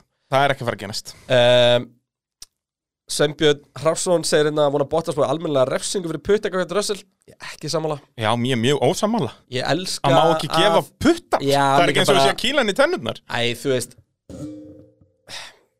Hversu stóra fjöruvítaminsbrautu hafa þær fengið þarna bara af adrenalinni í gegnum þetta Nákvæmlega Þú veist, Þú veist, um leið og þú ert farin að leggja hendur á ökumenn hann máttu- hann máttu fokka þér Já En það að þér sé eitthvað að Ég hef samt fyrir refsingu fyrir svona Hefur þú? Já. Fyrir að gefa puttan? Nei, ég fekk áminningu Fekk áminningu Nei, það var bíddu. þetta aðeins meira en að gefa putta Jú, býttu, er þetta á Magnikons? Já Já, já. Ver- ég Seg, seg þess að sögum eftir, hún er skemmtileg mm, Mér fannst núna ekki skemmt Hún er mjög skemmtileg, hættu þessu Það er í þriðja sæti bomba aftur á mig 20 myndra lóns og við endur saman til grifjunni og ég eh, veit ekki frá hvað landingæðan er en ég öskraði bara á hann á íslensku, ennsku svona þetta skiptis, hann var svona 1.60 ég er 1.80, 1.83 með þessa og uh, ef hann ekki er með hjálm þá er auðvitað kiltan við ekki hérna. Já, ég var brjálaður og uh, þú veist þannig ég skildi alveg, þú ert bara í aðrið sjokki og ég bombaði ekki á vegg á 250 km nei, ég segi það, þú fórst bara út í Ég fór bara út Malagrifi í Malagrifi og hann stoppaði við hliðin á mér og það var bara mjög hendut og hopp, hlaup yfir og öskraði þess að Já Þannig að, þú veist, eins og ég segi, bara hver, hver, hver er blóðþrýstingun hjá þessum gæfum eða eða hjartslátturinn á þessum tíma? Ég minna, þetta er eins og mikið aðdirlinn Já, það sjokk sem og að, fætt það eina sem ég var svo hissa við var náttúrulega sko fyrst bregðum eins og því að þetta lítur til þess að botta sem meðundarleysan hann liggur bara svona hettrestinni sem er náttúrulega bara hann að ranka við sér eina sem ég hef viljað sjá frá Russell var fyrst að vera læmi Russell hann er dreifið sig yfir til Bottas Já.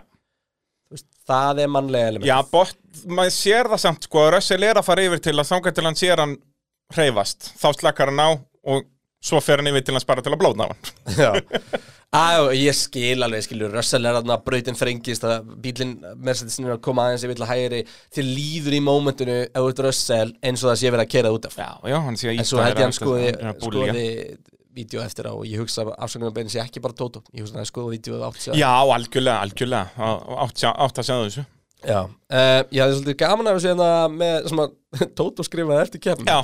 I haven't seen George yet, he didn't come to see me. I keep teasing him, I said if he does a good job he can be in a Mercedes. If not, we're doing Renault Clio Cup. And today we're more close to the Renault Clio Cup. Hann basically sagði honum að hann geti fara að kera Rún og Klíó Eh, Já. En Þetta er í svona- gríni Þetta er samt svona sem. 1400 kubika, 1600 kubika framlöndurinn Clio, þetta er fín keppni sko. Já, þetta ásamlegt En Þetta er ekki alveg það sem að Russell er að stefna á. Nei, og þú veist, Tóto segir þetta í gríni En hann, er- það, hann er, það er alvara í honum Þú veist, að hann er ekki sáttur með Já, rössin 100 bí, 100 bí Það er bara svo leiðis En, þú veist, fyrir utan þetta, þú veist, þetta er náttúrulega bara Mercedes í sko, nótskuð, þeim tekst einhvern veginn úr umöluðu stöðu að skila uh, hvað, 23 stöðu Það er ekki rétt hjá mér. og Í anna- þöks, Annars sættur hraðastinn yngur, jú. ha, nei, það eru 19 19 stig, ég ætla að segja 18 pluss 1 Vá, 22, hvað angum það Já, spil, skila 19 stigum í keppni sem er átt ekki að fá neitt út úr já og e, e, að byggja fórskotið líku við það er þess að- að ennþá með gott fórskot í kæftum bílasmið út af Peris gerði ekki neitt og Já. hefur þá ekki að fara að tala bara um eh, Red Bull Racing Honda A Rebel Racing Honda Já, hvað vilt tala um Red Bull? Þeir unnu þeir unnu já, uh, hvað það var eitthvað Max Verstappen eða ekki sem gerir fyrir Já, það hollensku strákur Hollenskur strákur. lunkin. var þriði í tímatökum, náði geggjöðu starti, ræsti í öðrum gýr löðrandi léttur í bleitunni Já, sástu hvað snúninga var það resti? Ég var eftir að skoða þetta Nei, já, hann var ekki há, það er 2 og 5, 3 bara, svona Þe- eiginlega Þetta hægagangur er samt sko, ég var hissa í rauninu að fleiri var ekki að gera þetta Þú veist, í fyrra og hitti fyrir að skipta engum máli Því að þá varstu bara með mapp fyrir startið sem að þú veist, þegar maður það kom bann hérna með að mættir ekki breytnum þróllmapp í startinu Var það ekki í hitti Það var þeirra? kannski var í hitti Sérstu mitt fyrra, jú. tímabili hitti Já, það þeirra? var í mitt tímabili fyrra sem að, hérna, nei, gerðist það ekki á sama tíma og partímóti var bannað Nei, ég held að þetta sé Var fyrr búið bannað þessu undan Mér minni það, þetta var mitt tímabili hitti fyrra Já, gæti verið Það En var ég svo mikið þori ekki að af hengja mig á það. Þessum reglubreitingum, sko Já En allavega, þú veist, þá varstu bara í fyrsta gýr, þá var bara búið að mappa starti fyrir þig og Bara þú kúplingin slepptir bara kúplingunni. nákvæmlega þetta og þetta var bara takki Einmitt. Núna er þetta miklu meira vesen Já, nú er þetta meira vesen og þetta var alveg þekkt sko Þú veist, þetta er þekkt í öllum útsporti Já, ræsi í öðrum í, í Annar gynni bleitu þessum bílinn er líka bara svo lág sko, skiptir einhver máli og hérna, þannig að þú veist bara velgjert, geggjur ræsing, ekkert eitthvað stórfengli með við hinna en hann Já, bæði, bara Nei, mjög hann er, góð. en hann er ekkert bara mikið snakar stað, það er raun og veru sko það, það er raun og veru sko bara hvernig hann þú veist, notar bensingjöfuna og snúningin eftir startið hann næra byggja upp 10 km meira hraða heldur en gæðandi fyrir framann Já, Þú veist, það er ekki viðbrastímin eða hversu fljótur hann er á línunni bara, það er bara hvernig hann kemur gu- gjöfinu niður eftir 20 metra eða 100 metra sko. Já, akkurat Bara Og- koma aflinu á brautina Já Ekki nýtir sér svo kjölsóið á Hamilton og stingur sér svo innavers skemmtli sér á innanverðuna og, Sem að var og ekki opin. mjög vel, já ég segi það, ekki mjög vel varist hjá Nei, Hamilton þá finnst var mér. þetta Hamilton var í hinum speglinum Hann bara að var, verjast Peres já, svo Peres náði ekkert spes startið þannig að það var í Þeir rauninni- voru eiginlega bara synkronast, Peres Já. og Hamilton Svona- Það var bara sama bil á millir en þeir fóru inn í fyrstu byggju og þeir ræstu sko.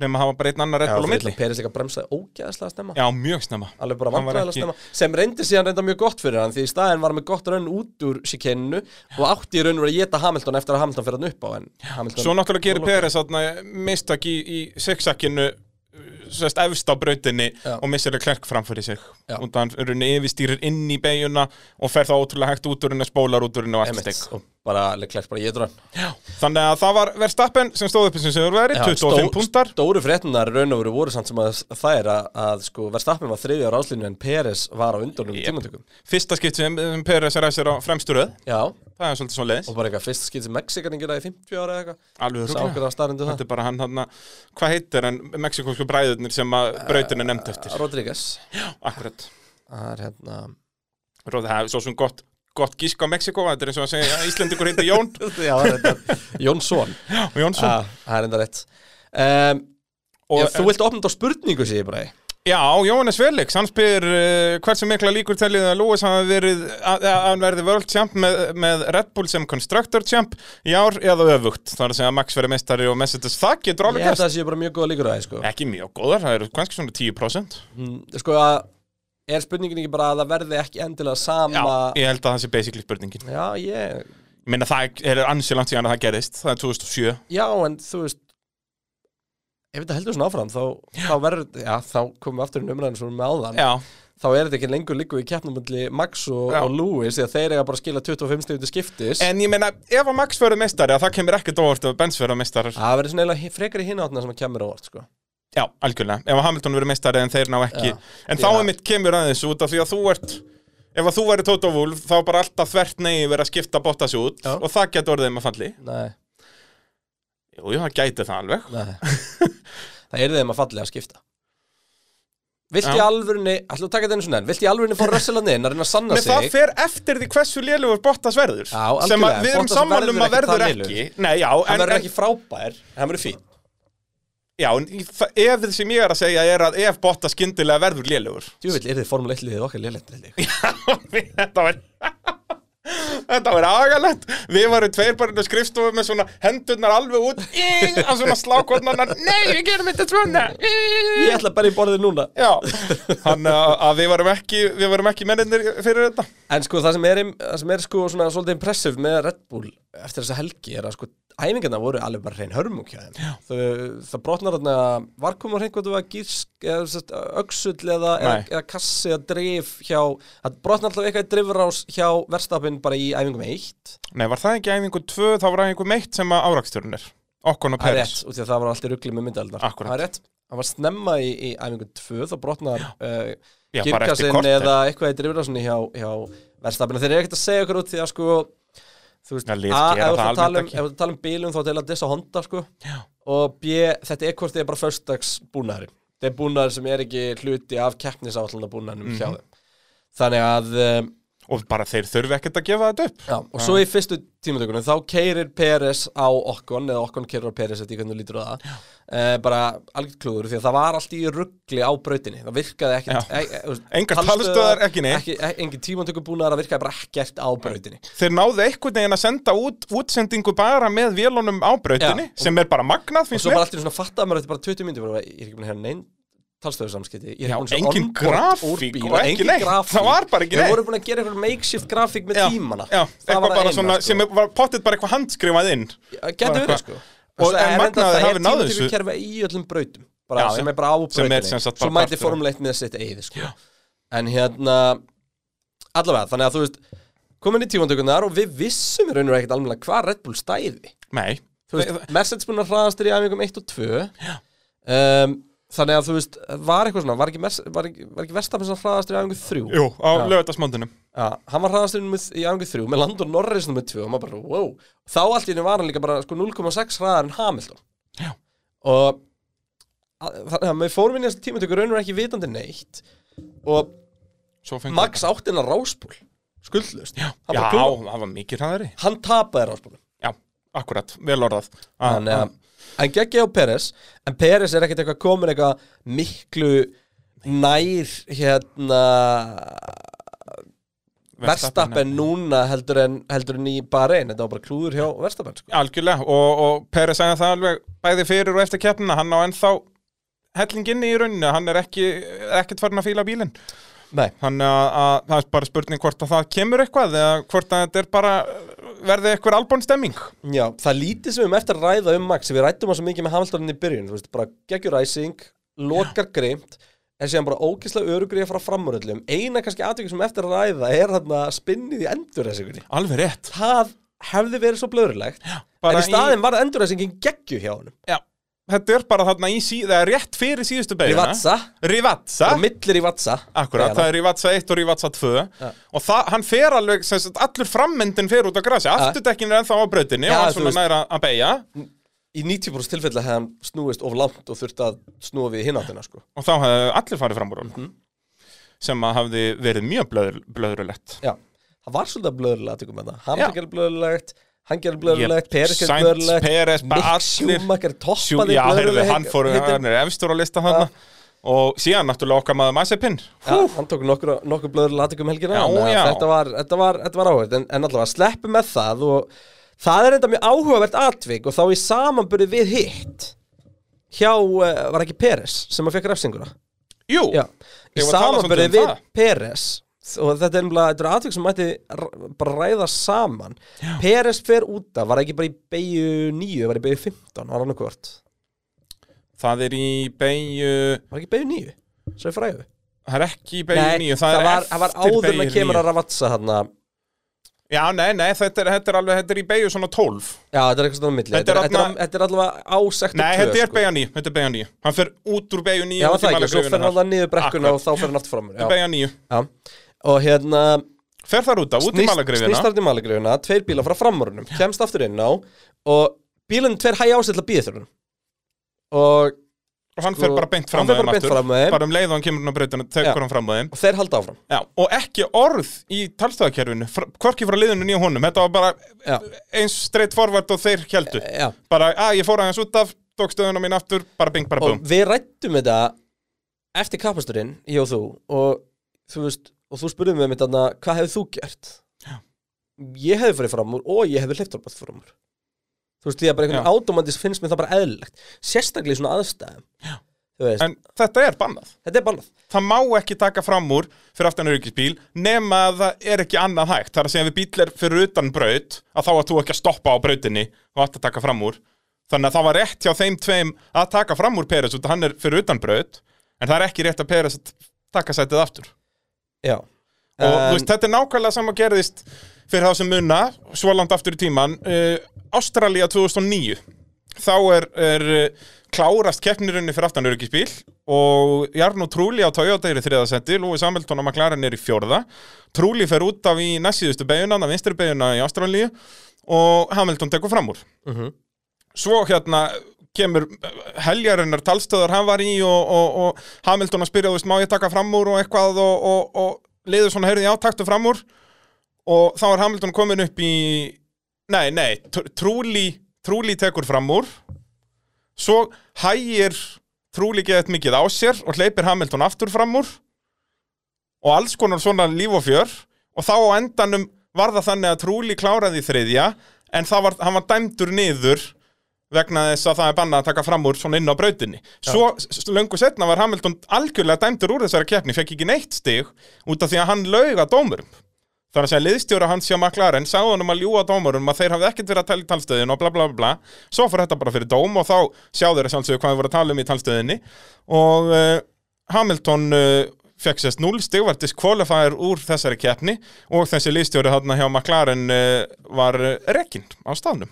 En Hamilton fekk í raun ekki fleiri refsingu, hann gæti alltaf sagt bara að nei, liðstjórin sagði mér að gera þetta. að, hérna en allavega, hann að Perfjörnsson refsingu Kimi Rækonin fær svo eins refsingu eftir keppna líka Ég, ég skil það ekki neitt. Ég er búinn að vera núna í allan morgun og horfa á replay að atvikinu á rækunin. Já. Hvað gerir hann rámt? Hann, þetta er nákvæmlega saman, þetta er í þriðju beigju, sest, bara út úr, þetta er í enduræsingunni, við bara tökum þetta atvik núna bara. Enduræsingin, þriðja beigja, sest fyrir aftan öryggisbíli, taka hann eitt ring og sofa fljúandi start. Uh, hann snýst út í malagriðuna, alveg bara, og er stopp í, bakkar út í malagriðuna og er stopp þar. Fer afturinn á brautina, það fara tveir bílar fram hjá honum uh, hann kemur aftur inn á brautina uh, liðið segir honum heyrðu, þú mátt taka stöðuna þína aftur og Kimi svarar í talstöðinni eru þið viss og þeir "Ah, að, ja, býtu, býtu og, og Hamilton býður svo koma þér í talstöðinni, heyrðu, nei, það er rétt hjá þér þú mátt ekki taka stöðuna aftur, hann tekur stöðuna ekki aftur samt var hann 30 sekundur resungu eftir keppni út af því að sang, dó, í dómnum stóð eitthvað að hann hefði þurft að fara inn á þjónustasvæð og láta alla bílana fram úr sér af hverju? Nei, ég, Þú veist, skilur þú þetta? Ég, ég átta mig ekki á það þessu er reglaða sem að snýst um í raun og veru bara í hvað aðstæðum uh, þetta gerist og Þannig að u- undir einhverjum aðstæðum ef þú ferð út af fyrir aftan öryggisbíl þá er þér bara skilda að láta alla bíla framhjá þér Ég skil þetta ekki já, já Þetta er, ég allavega, já, ég átta mig ekki neitt á þessu eh, og eftir að hafa hort á endursýningar og, og lesið dómsúrskurðin og allt þetta þá bara því miður hlustendur það eina sem ég get sagt er að ég skil ekki neitt sko, á meðan þú ert að baka öryggisbíl þá er þetta bannað en ef þú ert að baka öryggisbíl fyrir enduræsingu þá máttu koma þér aftur þú veist ef, þá máttu koma þér aftur Inn á braut, rækunum gerði það já, ég skildi ekki Nei, ég skil ekki neitt, sko Út að þeir fara þarna Eh, Sko, bæði reglan Hamilton er og sem sú. Sunóta fara framhjá honum Reglan er þess að svo, nú erum við að tala um hérna Nú erum við að tala um Sko það er, það er hljumins regla hérna Að það er regla sem að bannar ökumanni Að fara inn í sest, sem að ef þú ert ekki komin á réttan stað mm Mhm. Þegar þú kemur yfir sest, í endurreisinguna Þá þarf það að fara inn á þjónustöðið Já Þú veist, þú mátt ekki, ef- segjum við erum að stilla okkur upp á uppbyrna ring Þá er ég að fara hringin og ég spinna Já, ok, þannig að þú ert að segja að hann átti að taka þessi stöður aftur Út að hann var Já. röngur, rang, Já. ok, ok, þá Það er skiljið, málið. þá skiljið Það Út að kemur þetta var fyrir einhverjum- enduræsingu átti að taka stöðunar Ég aftur og skil. ef hann er ekki á sínum stað þá þarf hann að fara inn á þjónustöð Nú skiljið þig, nú skiljið þig Út að þetta var fyrir enduræsingu, þetta var ekki bara venljur öryggisbíl Já. Og hann er í enduræsingun á vitlausum stað Þó að sé vissulega verri staður, en þá er hann á vitlausum stað Og þetta er og þá rautt er honum flagg skilt rising. Já, og þá er honum, þetta er eins og bara ef það hefði verið standing start eftir þetta og hann hefði farið á vitlust grid spot basically ok, jú, það megar sens það megar sens sko. Ok, þá er það svo leiðis að þó að hann sé vissulega búin að Ég fletta aftur upp í þessu tapa hérna hjá mér sko Þess vegna var ég líka að svara Bara ætla að vera með þetta alveg á hreinu En þetta snýsast um, um það Já, Og þannig að hann þar af átti í rauninni að taka leiðandi- fram úr þessum tveimur Þar að leiðandi getum við fabulega líka um hvað hefði gerst Ef að sko Leclerc hefði spinnað þannig að Nei, fyrir ekki, Verstappen. Verstappen hefði spinnað Þannig að Leclerc færi fram úr húnum eru Hvað þá, þá þá? eru allir á villasum Já. stað nema, já, overstapp, já þá hefði allir bara fengið refsingu Þá ég skil hefði ekki bara Verstappen átt að fara um þjóðsveð Sem hann hefði aldrei gert Ef hann Nei, spinnaði næst- þeir næst hefðu síðasta allir bein. þurft að leg- út af klerk hefðu ræst fyrstur en áttar aðeins annar og svo framvegis, þeir hefðu allir Nei, verið á þú villasum getur ekki stað sagt hann sé á villum stað þegar, þegar það er bara eitt bíl sem setur alla úr stað þá er meira Já, liti á eins og já, sé auðvitað. eitt þá, þá eitt kemur laust common, pláss, common sense inn, skilur. sko, akkurat, akkurat Já, nú er ekki alltaf sem að common sense kemur Nei, nei, en svona þeir eru, svona í setni tíð þeir eru byrjað aðeins að nota common sense En talandi um hérna common sense þá var ég ánæðið með brautatakmörk þessa helgina Ekki ég Eða þú veist, jú, ég var ánæður að þetta var mjög svart og hvítu Já, En ja, sleppið þessu, hættið þessari helvitis vitleysu hvað mennur Leifið þeim bara að gera það sem þeir vilja Ef þeir fara einhverja styttir leið og þá er það bara styttir leið og þá geta þeir lagað brautina nokkvort fyrir næsta sessjón eða fyrir næsta ár Já, og allir myndi gera það. Já, já, bara, ef það er betra að hossast yfir einhverja kanta þá bara hossast þeir yfir kantana, þetta er ekki flókið Ef það er betra að fara beint í tamburello Já, yfir ég er ekki mölina, þá sammála. fara Það þeir sem bara ég- beint yfir Það mölina sem ég er ánæðið með er að það eru brautatakmörk og þetta verður að vera svona því að nútíma brautir eru svona Ég veit það annars gætur þau bara kert beint á Já, brautir ég veit kant. það, það er, en eins og ímúla er geta þeir ekki, þú veist, eins og beigja nýju af hverju ekki bara leifa þeim að fara auðvitað Það er líka bara öryggismál Já, ég held að það sé undarbrúður stað að veggurinn er, það er búið að reikna eitthvað já, veggurinn er svona, duttu, þá mega er ekki fara duttu, Já, eða þú veist, veggurinn er smíðað með sko. brautatakmörk nákvæmlega um, En ég er sammálaðið er að segja sett, Og þú út vilt af þetta ekki verður að vera fárlega atvikið sem ég lísti fyrir á spa þar sem við fórum meðfram pittvagnum uh, í gegnum busstoppið fórum hægra Já, meginn í já. gerfingar til að nýta malbyggis og þar, þetta er alveg fárlega Já, já, já, auðvitað vill maður ekki eitthvað svoleiðis en, en, við vorum einn og hálfinn sekundur hring hraðari heldur en við gerðum ekki eða eitthvað Já, já. fárlegt sko. en, þú veist, eins og bara meðal áhorfandi skildi ekkert hvað verið í gangi ég veit ekki hversu marga posta ég sá á Facebook eftir þetta, býtu, býtu, Hamilton hann má fara hérna alveg út úr brautinni Já, en í þessi fór tímatökunum. ekki, bli, bli, bli, bli, bli, bli bara út af því að tímatökunum. fólk sem sagt, þeir sem er ekki búin að lesa reglurnar eða búin að kynna sér þetta eitthvað í já, dref og sko helgarregluna líka við Já, skulum ekki ég gleyma því. nákvæmlega, að þeir skilja ekkert, þeir sjá, heyrðu, já, Það- í- í það sem beigju böggaði 15 mig- fór já, það- Hamilton það út sem fyrir böggaði mig reyndar við brautakmöngi þessa helgina var í beigju 9 var að kvítalínan en í beigju 15 var að körpið Já. það er steikt, ég er sammála því Það er ekki gaman en þar held, það held ég að vera gert það ítlum nöðsinn sko. Já, því að bara annars væri beigja 15 alltaf hæg sko. Já, já, algjörlega, að leifa þeim að fara út af því að það er hraðin það lítill að þá mega þær alveg fara hana, en í beigju nýju ef allir var að fara meter út fyrir körpið hoppanda, skoppanda þar, þá er það bara tímasvipmál hvenar einhver hoppar aðeins og mikið og bombar á veggin allt á nálat og veggum, aftur inn á brautina bara beng, bara búm þú veist.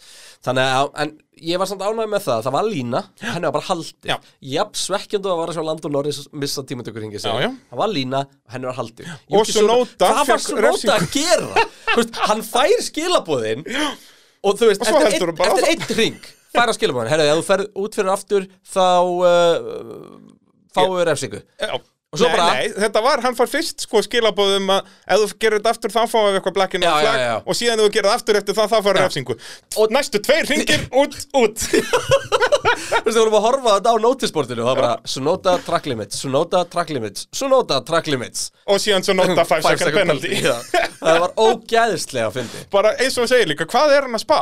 Ég skil það ekki sko. Þetta er alveg magna Ég skil það ekki Herðu, hvar voru við? Við vorum að tala um Peres og uh, Já, ég var að skella okkur í spurningu frá Grími Nóa Einarsinni. Já Haldið að Peres muni finna sig í Red Bull að verður þetta bara sama sagan eins og að Gasly og Albon. Ég veit að hann mun uh, aldrei vera nálægt að stappin í keppni ökumanna en pæling hvort að hann verður nógu hraður til að geta hjálpað við stappin til að ná segurum. Eða er hann nógu hraður til að segura á móti við stappin eða Hamilton. Allavega ekki besta byrjun hjá honum. Ég skal byrja á svar síðu spurningunni, nei um, Hérna, fyrstu tvær, já En það er ekki út af því að hann er miklu betur en Gasly Albon Bara þessi bíl er góður Já, Þú veist, uh, Já Gasly Bullinn og lítur Albon út- væru, væru frábæri í þessum bíl. Gasly var geggjær í þessu bíl Gasly Og var Al- Albon einn líka. hryldur í þessu bíl Ég hugsa að Gasly væri að fokki verstafinn í þessu bíl sko. Það geti verið. Þú veist, hann var ekki að vinna hann Nei, nei, að fucka. hann væri að rugla í honum, það er rétt, það er rétt. Hérna, ég veit ekki með Albon En við bara fengum aldrei að sjá Albon sanna sig almennilega Nei, og bara í líka bíl sem að henda honum ekki, skilur. Það var bara... Þannig að En núna eh, loksins er við Red Bullin orðin plantaðar og fínt og, og, En ég er sammála Kristjánum með að býja eftir fjóra keppnur og þá er hægt að Já. segja Þá er annað hvort þetta hengi ökum en eða ekki svara, svara sáttur um, Red Bull tóku sjensin að setja verstapenn snemma á þurrudekkin, það virkaði Já.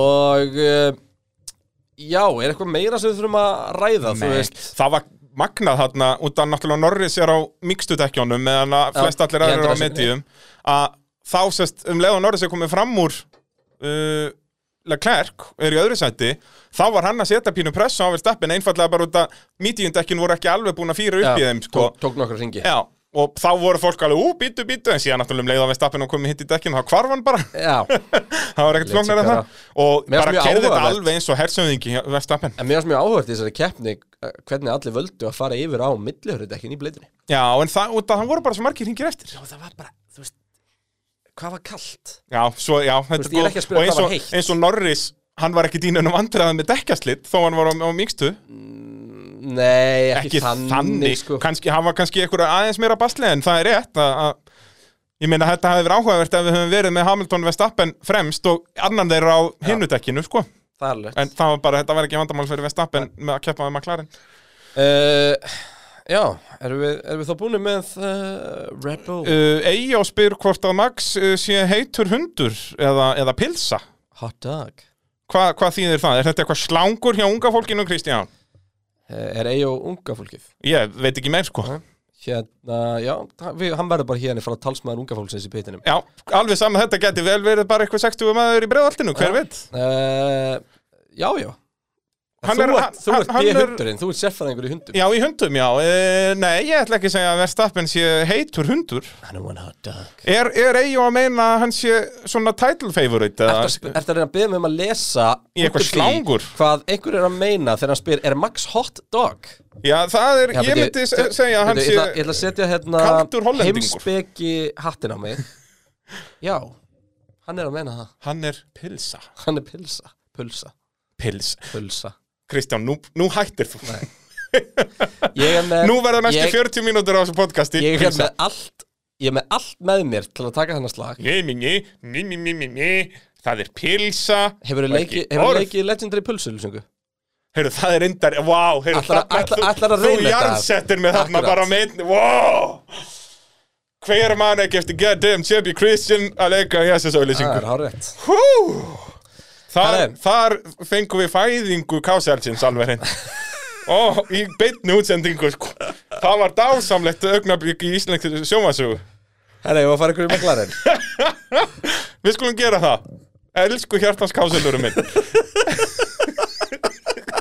Nú er svo mikið að fólki bara um umkvæði Já, sko, Nei, nú far allir inn á YouTube að grafa þetta upp Er þetta á YouTube eða? Já, já Ó, En ek- já. Ekki undir mínu nafni, þannig að Já, ok, það er bara pínur research Pínu research. Við, Það er bara challenge fyrir okkar Það er hlustendur með velun fyrir þann sem að Sá sem að finnur og postar á uh, Bara á pittin, pittinn, eh, Hann F1 á finnur Íslandi. derúi þegar hún kemur einhvern tímann út Já, 2027, þú býður spenntur Já, eða fær miða á pubquizið okkar Já, sem Hérna- verður einmitt sama dag og, og þegar hún að koma út Akkurat Herðu, hérna uh, Maglarinn Við erum búin að tala- við erum búin að tala um tvö lið og við erum næstu búin að vera í einn og hálfan Æ, tíma þetta var líka geggjum formúla Norris í sjönda sæti í tímatökum þriðji í keppni Daniel Ricciardo 70 og 70 um, Þú varst með eitthvað hérna? stöðlaða staðrindina McLaren bílarnir ræstu á sama stað, tvær kemnir í röð Var Ricciardo fyrir fram Norris í bara einleika? Jéps Já, alveg rétt Þetta er, ég veit þetta alltaf sko þegar maður er að fylla í skjalið yfir sko hvar menn lendu og ég þurfti ekki að breyta neinu, það Alveg var rétt, gott fyrir alveg rétt, bíhundin maður alveg rétt. Ég Ó, þurfti nú samt að breyta henni vittlusi á þér í skjálinu Þannig Já, að, já, það láttu mig þengja það þannig að uh, það er nú það er ágætt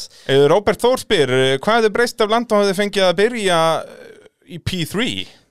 Verstafinn er ekki náða að fara fram á Hamilton í rásin- startinu Ú, va- heyrðu, þetta er enda geggja sjátt Álpappi sattir hún að að koma sterkur en þarna Já. Þetta er hef, bara góða punktur Reyndar er það tóm þvæla og það, Norris náðu svo liðlega í startan eða bara dottinur í sjötta seti en ekki Já, nýjunda þá er, þá er verstafinn verið eh, hvað, 6 metrum aftar og á uh, Já, auðvitað, og það verðstappin, já, auðvitað Hann hefði komið upp á milli Þú ert að tala um það hann er bara náð Peres Nei, Eh, ekki einu sinni. Ver- Verstappen sem sagt hafði ræst fjórði náttúrulega, já, það er rétt það er punkturinn minn Virkilega góða punktur eh, Þannig að Já, Kásel um, það hefur alveg getað breytt ymsu en hefði það breytt ykkur í keppnars? Nei Það hefði ekki breytt ne- neinu fyrir Norris sjálfan Nei, Það er, þannig, þú veist, það var ekkert eitthvað í Nei, hann hafði aldrei Eh, Hvað átt hann endi í átt hann enda fyrir hann Hamilton út af þeim? Nei, Nei, þannig bara Hamilton að að um, Þú en, hann, en sko ræsingin hans var glutuð Já, hann dættur nýju hvað nýjönda seti held ég sem er eiginlega ennþá meira impressið því að maður tók vall eftir því í keppni en hann, út í að þetta var alltaf svo mikið steik þú veist, Hamilton var líka nýjundi eftir hálfakeppni sko. Já, já. en hérna, Sainz var komin hann upp í sjöunda Já. þangar til hann fór að kveldskynda svo byrjaði hann bara að vinna sig upp og einmitt, Eins og Sainz- honum einum Sainz er- skate og og Bottas Gasly skate náttúrulega fór og- bara og sett í svona- bakkir. já, Gasli sett í bakkir þannig að þú veist, hann vinnur svo hann upp svo er það ekki fyrir hann er á bakku Danny Ricardo sem hann byrja bara að tapa ógislega mikið tíma og þarna þarna vildi ég sem McLaren grimmar í Já. liðskipunum því að ef að Norris, ef að keppnin ef við mekkvingin rauða flagg hefði Norris náð Leclerc? Ég veit það ekki Það er góð spurning og, veist, og á þeim tíma leit út eins og hann var að fara að sækja Peres Já. á Peres ennþá hann fyrir framann Já, já, akkurat A- a- Þannig að þú Og veist- Peres náttúrulega með þessa refsingu þarna og ég Já, meina, já, já, já, Ricciardo já, var já, komin hann það- 12 sekundum eftir Peres Ha. en Peres með 10 sekundar refsingu þannig að Einmitt. þetta var auðalegt hjá þeim sérstaklega bara miða við allt data sem þau höfðu alla helgina Norris var allan tíðin búin að hafa Ricciardo í vasanum Já, var bara sekundur hraðari, skilju, á ring Þannig að- Algjörlega, þannig að það þannig fannst áttu mér- þeir að vera út að hvað, enda enda að vera ykkur fjóri, fimm ringir sem að Norris var fyrir aftan og, að- meina, og, og þú veist, og endanum kemur kallið og það var ekkert mótmæltar í kartu þannig, þannig að það var ekki sem ég heyrði og hérna, þannig að það var bara, var bara fín um, En Síðan náttúrulega bara- í lokdags hefði þetta ekki haft neina áhrif Norris hafði alltaf endað þriði Já, ég nei, menn ekki, hann ekki komist fram úr í kartu Nei, nei, ég segi það, en ef hann hefði komist fyrr fram úr Ricciardo það hefði ekki breytni Já, nei, nei, nei, nei, nei.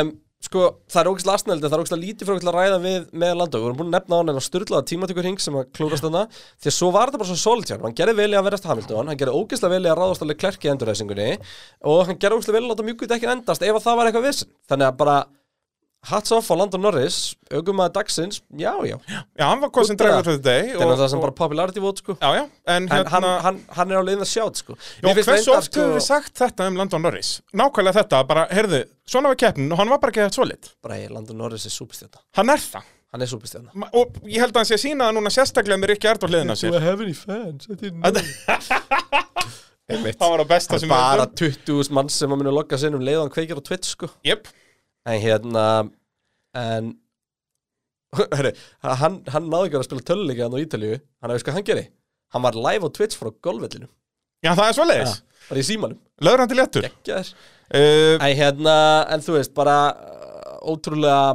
ótrúlega stert Ég held að það sem að við þurfum að ræðum Þótt að það sé ekkur fjórar keppnir Er bara munurinn á land og, og Ricardo Já um, Ég er ekki að kalla krísu hjá Ricardo ennþá Ok Ég er sammálað þér En það er ekkert langt Já, Já, það er eins og ég segi, bara fjóra ef- eftir, eftir já. Hvað er það? Monaco sem er fjórða? Manstu Uh, það? nei, er ekki Og eftir Barcelona. Portugal. Ekki Portugal, Barcelona fyrst, Barcelona, já Monaco. Akkurat, akkurat, þeir fara að taka Spán og Portugal minni uh, það Það verður líka bara. doppul hettir Það er sérst núna tvær vikur í Portugal Já. Svo Spán beint eftir Pep, Double header Það er rétt hjá þér Þannig að ég þarf þá að vera með þér Fösta lögat og sunnudag Já, kannski Já. Og svo í pittinum Og svo Svo aftur, aftur, við bara Og svo basically í erum fyrstu. búin að að flytja inn saman félagarnir Þannig að uh, Það væri bara svona svo að setja saman í sótkví Já, basically Væri nú bara stert að láta setja okkur í sótkví Svo Það- eitthvað heyrðu. kemur langu pittu þá Já, langur, við værum bara live í tvær vikur streitt Ó, Greið, greið landin að þurfa að fylgja Já. sem því Uh, en Ricciardo, þó hann sé þú veist ekki að ná að hanga í Norris núna í byrjun tímbils að þá er hann ennþá mjög solid og það sannast á því að þetta var í- núna í 13. keppni í röð sem hann kláraði í stigasendi Já, Áttu einhverja skýringu á af hverju Það er sekund á milli þeirra Er eitthvað sem þér dettur í hug Þú veist, því að Norris var bara sekundur hraðar hring sko. Já, og b- í gegnum allar æfingar og í tímatökum og allt, bara Norris var alltaf með hann í vasanum Já. Nei, þú veist, það er alltaf þetta klassíska hans í að venjast bílnum en ég minna hann er búin að keira þennan bíl það mikið að hann er ekkert eitthvað þetta er Nei. atvinnu formuleitt Já, okkur maður en þú ert komin, þú ert komin í, í marginur sem er ekki neitt Nei, ég meina, ég myndi halda bara í tímatökum í fyrstu keppni, ertu búin að keira bílinn það mikið, þú ert búin með þrjú æfingasessjón og einhverja daga af, af testing og eitthvað, það er ekki, þú veist, ég held að það sé ekki málið, þú veist, þannig ég, ve- ég held bara að Norris er svona góður og þar á leiðandi erum við líka að koma að staði hversu góður Sainz er, út að Sainz var á pari ef ekki betri en Norris. Sko, við sem ekki gleyma að Ricardo var þriðji á Imola í fyrra Já, já. Það var hérna, fræga, þá kom, var það ekki fyrsti pallur, neða var Mugello, nei, Mugello átt að vera En þú veist, fyrsti pallur. Hann var 50 í tímatökum, sko Já Já, já Á, á raun og honum Menn Lando var hvergi, hann var svona hraðar liðsfélagin Það er náttúrulega það sem hann horfður á Já En En, en ég, Við segjum að Hvað við tók- höfum ekki áhugjur Ríkjart og hvað tók svo hvað Uh, far tók- en ég, Jú, Hvað tók eiginlega hann, þú veist, langan tíma í að uh, pakka okkur? Var það ekki alveg tveið þrjá keppnir? Bruno Bilaði, bilaði í fyrstu keppninu Ástralíu fór hann með framvængin hann bara á Ástralíu fór með pittvögnum framvængin alveg rétt, en ég sá En það ekki nei, nei, hann var fljótur með okkon Já, voru samt alveg tveið þrjá keppnir, sko sem okkon vann hann bara fyrir hans hver Það er ekki finn skver Nei, ég segi það, að, þú veist, að, hann var ekki að ströggla hraðarlega séð við okkon þó hann var á nýjum bíl, hann var aðalega eitthvað hann var að vinna bremsónum og eitthvað Sko, í Bahrein þá var já, þá dattir ekki að það út þá var hann alltaf með Hulkenberg líka tjók, þá var hann að þeirri duttu báður út maður, Alveg rétt í sömu beigjunni dráp, eins og einhvern veginn bara, rek- bara fór öryggi Já. á Runó Eitthvað rakst í rauðatakaninn á pitnum já, alveg rétt, alveg rétt hann var á En móti hann var Hulkenberg. alveg, já, það er rétt og til að byrja með svo voru þeir kemur alveg á okkan pari inn og, og Ríkjald og pakkaði okkan frá deitt Já, já, um, en þá var líka okkur það er að koma eiginlega ekki nýður. hægt að skoða þetta Nei. ég er að skoða því að þeir detta alltaf út annað hvor Já, en ég meina, ég man samt alveg hraðarlega séð að þá voru þeir alveg svipaðir Þú veist, Gjardob var ekkert að byrja á að pakka Hulkeberg saman Nei, var það nokkuð? Nei, það er- það er svo sem góður punktur. góður, er það ekki bara sem við erum að komast að? Ég held að það sé aðal punkturinn í þessu öllu að- gefum, gefum Ríkjard og uh, Fjóra keppnir Já, það var Eftir samt Barcelona. Mónakó Já, eftir Barcelona Já, það er fjórða- Barcelona það er er, fjórða keppni. Barcelona er punkturinn já. Það er, Þá ætlum við að vera Þar er með gálgin. tuskubrúðunar Já. hérna í stúdíun að Það er hengja rétt. okkur menn og eitthvað en þú veist McLaren lukkar ógeðislega vel Hann Já, á- ég held að Það þetta- verðist bara að vera svo góð stemming Sack Brown verið eitthvað geggja, ekki það? Já, Ég fíla hann og Andrés Sætúl og allir þessi dútar hana og bara allt Komið gott. heimið Þú veist, alveg bara Heyrðu. kemmistriðan í liðinu og stemmingin ógeðslega flott stóra fréttir Sástu það bara núna fyrir svona klukkutíma þegar við fórum í loftið Nei Þeir eru búin að selja húsið sitt Fræga húsið þarna við Ha? stöðuvatni Það ég vissi að það var búið að standa til 170 miljónir af punda myndi ég halda, frekarna dollara Hver er kaupendahópurinn fyrir þetta hús? Er það ekki aðalega svona bond vondukallar?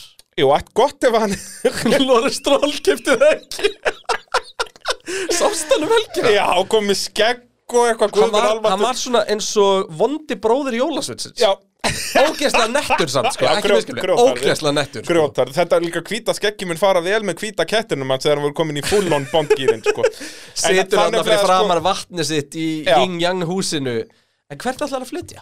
sko Lorenz Stroll nefnilega ég man að hann hafði samband við hérna einhvern Íslending og það hann ætlaði að kaupa Fagradalsfjall og eiga heima fyrir neðan það en hann bara fekk ekki að kaupa það, þannig að hann kefti svona next best thing að kaupa þarna McLaren vestmiðun og geti verið vondi kallið sinn með köttin þar Nei, en samt nótjó, hver kipti það? ég s- veit það ekki Ok, þú, ég googla, þú heldur áfram ég held áfram, eh, þá ætlum við bara að fara beint í eh, Ferrari og Erum við búnir? Já, með McLaren, náttúrulega svona punkturinn næst með McLaren er hjá mér að ég held að það sé rétt sem að við vorum að tala um fyrir tímabil að þeir muni enda í þessu einskismannslandi sem að Red Bull hafa alltaf verið í. Ég held að þeir verði öryggir í þriðasætti og Ferrari muni ekki ná að hangi í þeim og það race pace þjá Ferrari er bara ekki alveg nógu, er ekki á sama stað og Ferrari en það sem þessi bæðileg hafa, fyrst við erum bara svona skipt yfir í Ferrari núna Ok, um, þetta er sem sagt bara fjárhastlegt dæmi, þeir eru bara að selja þetta fyrir 170 miljonir og gera leigu samningi 20. Já, þeir eru að kaupa þetta, þeir eru að selja sjálfum sér þetta Nei, þeir eru að selja ykkur fjárfæstingar fyrir þetta. Akkurat uh, Þannig að við förum yfir í Ferrari Ég held, eða þú veist það sem þessi lið hafa bæði eru tvo frábæra ökuminn og það er það sem er svo mikið snill Alfa Tauri bíllinn gæti verið á svipum staðarna en ökumannslega séð ge- munu þeir ekki geta hangið í þeim í þessum slagi yfir allt tímabili Ekki strax. Ég held að Gastli mun alveg vera að stríða þeim alltaf í einn og einn kefni Er Gastli bara búin að gera svo lélega hluti upp að þessi tímubils? En Það var En ekki erum hann við sem ekki að setti tala um sér Ferrari, eða? dekkund Það var ekki hann sem setti sér dekkund í bílinn sko. Nei, en hann hefur samt alveg kallið. Já, geti verið. Uh, Ferrari, Charles Leclerc uh, fjórði í tímatökum og uh, kláraði fjórði. Carlos Sainz ræsir 11 eftir, komin upp í sjöunda sætið eftir uh, sjö beigur. Þá fer hann út af í fyrsta skiptið, svo fer hann út af í annað skiptið, fer, fer tvisvar sem út af á, á fyrsta Hann hring. var svolítið í því. Svo fer hann alveg vel út af hann á 20. og öðrum hring, að með minni. Tó- Nei, þre- tosaði- nei, þre- 13. tosaði hring. út af. Tosaði sig út af Í Tosa. skellti sér í, uh, hann fór að læra af föðu sínum eins og ég sagði ábygglega svona 14 sinum Já, það er eiginlega bara búið. Erum Já, hægt að nei, ég tala um ætla það? bara alltaf þegar Carlos Sainz fyrir eitthvað nálægt ykkur um öll mun ég segja þetta, bara hann er býttu ok. bara strap yourself in Ok. okay.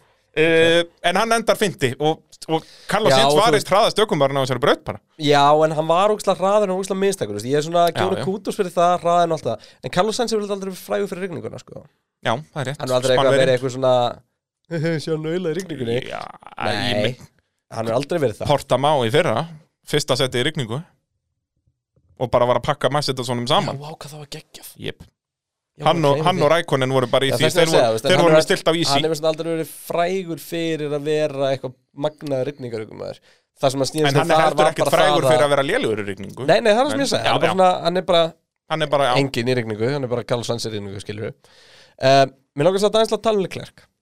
já, Tjúvill er þessi gæi góður maður. Já. Sast hann fekk, var að fá bíl gefins. alveg rétt, já frá, Hann hefur Er það samt ekki hann- frá því í fyrra samt Þannig Já, að það tvö- er ekkert góður bíl Það var að Eh, Nei, 2019 þetta er bílinn sem að, sem hann vann á á 2019 Monza. Já.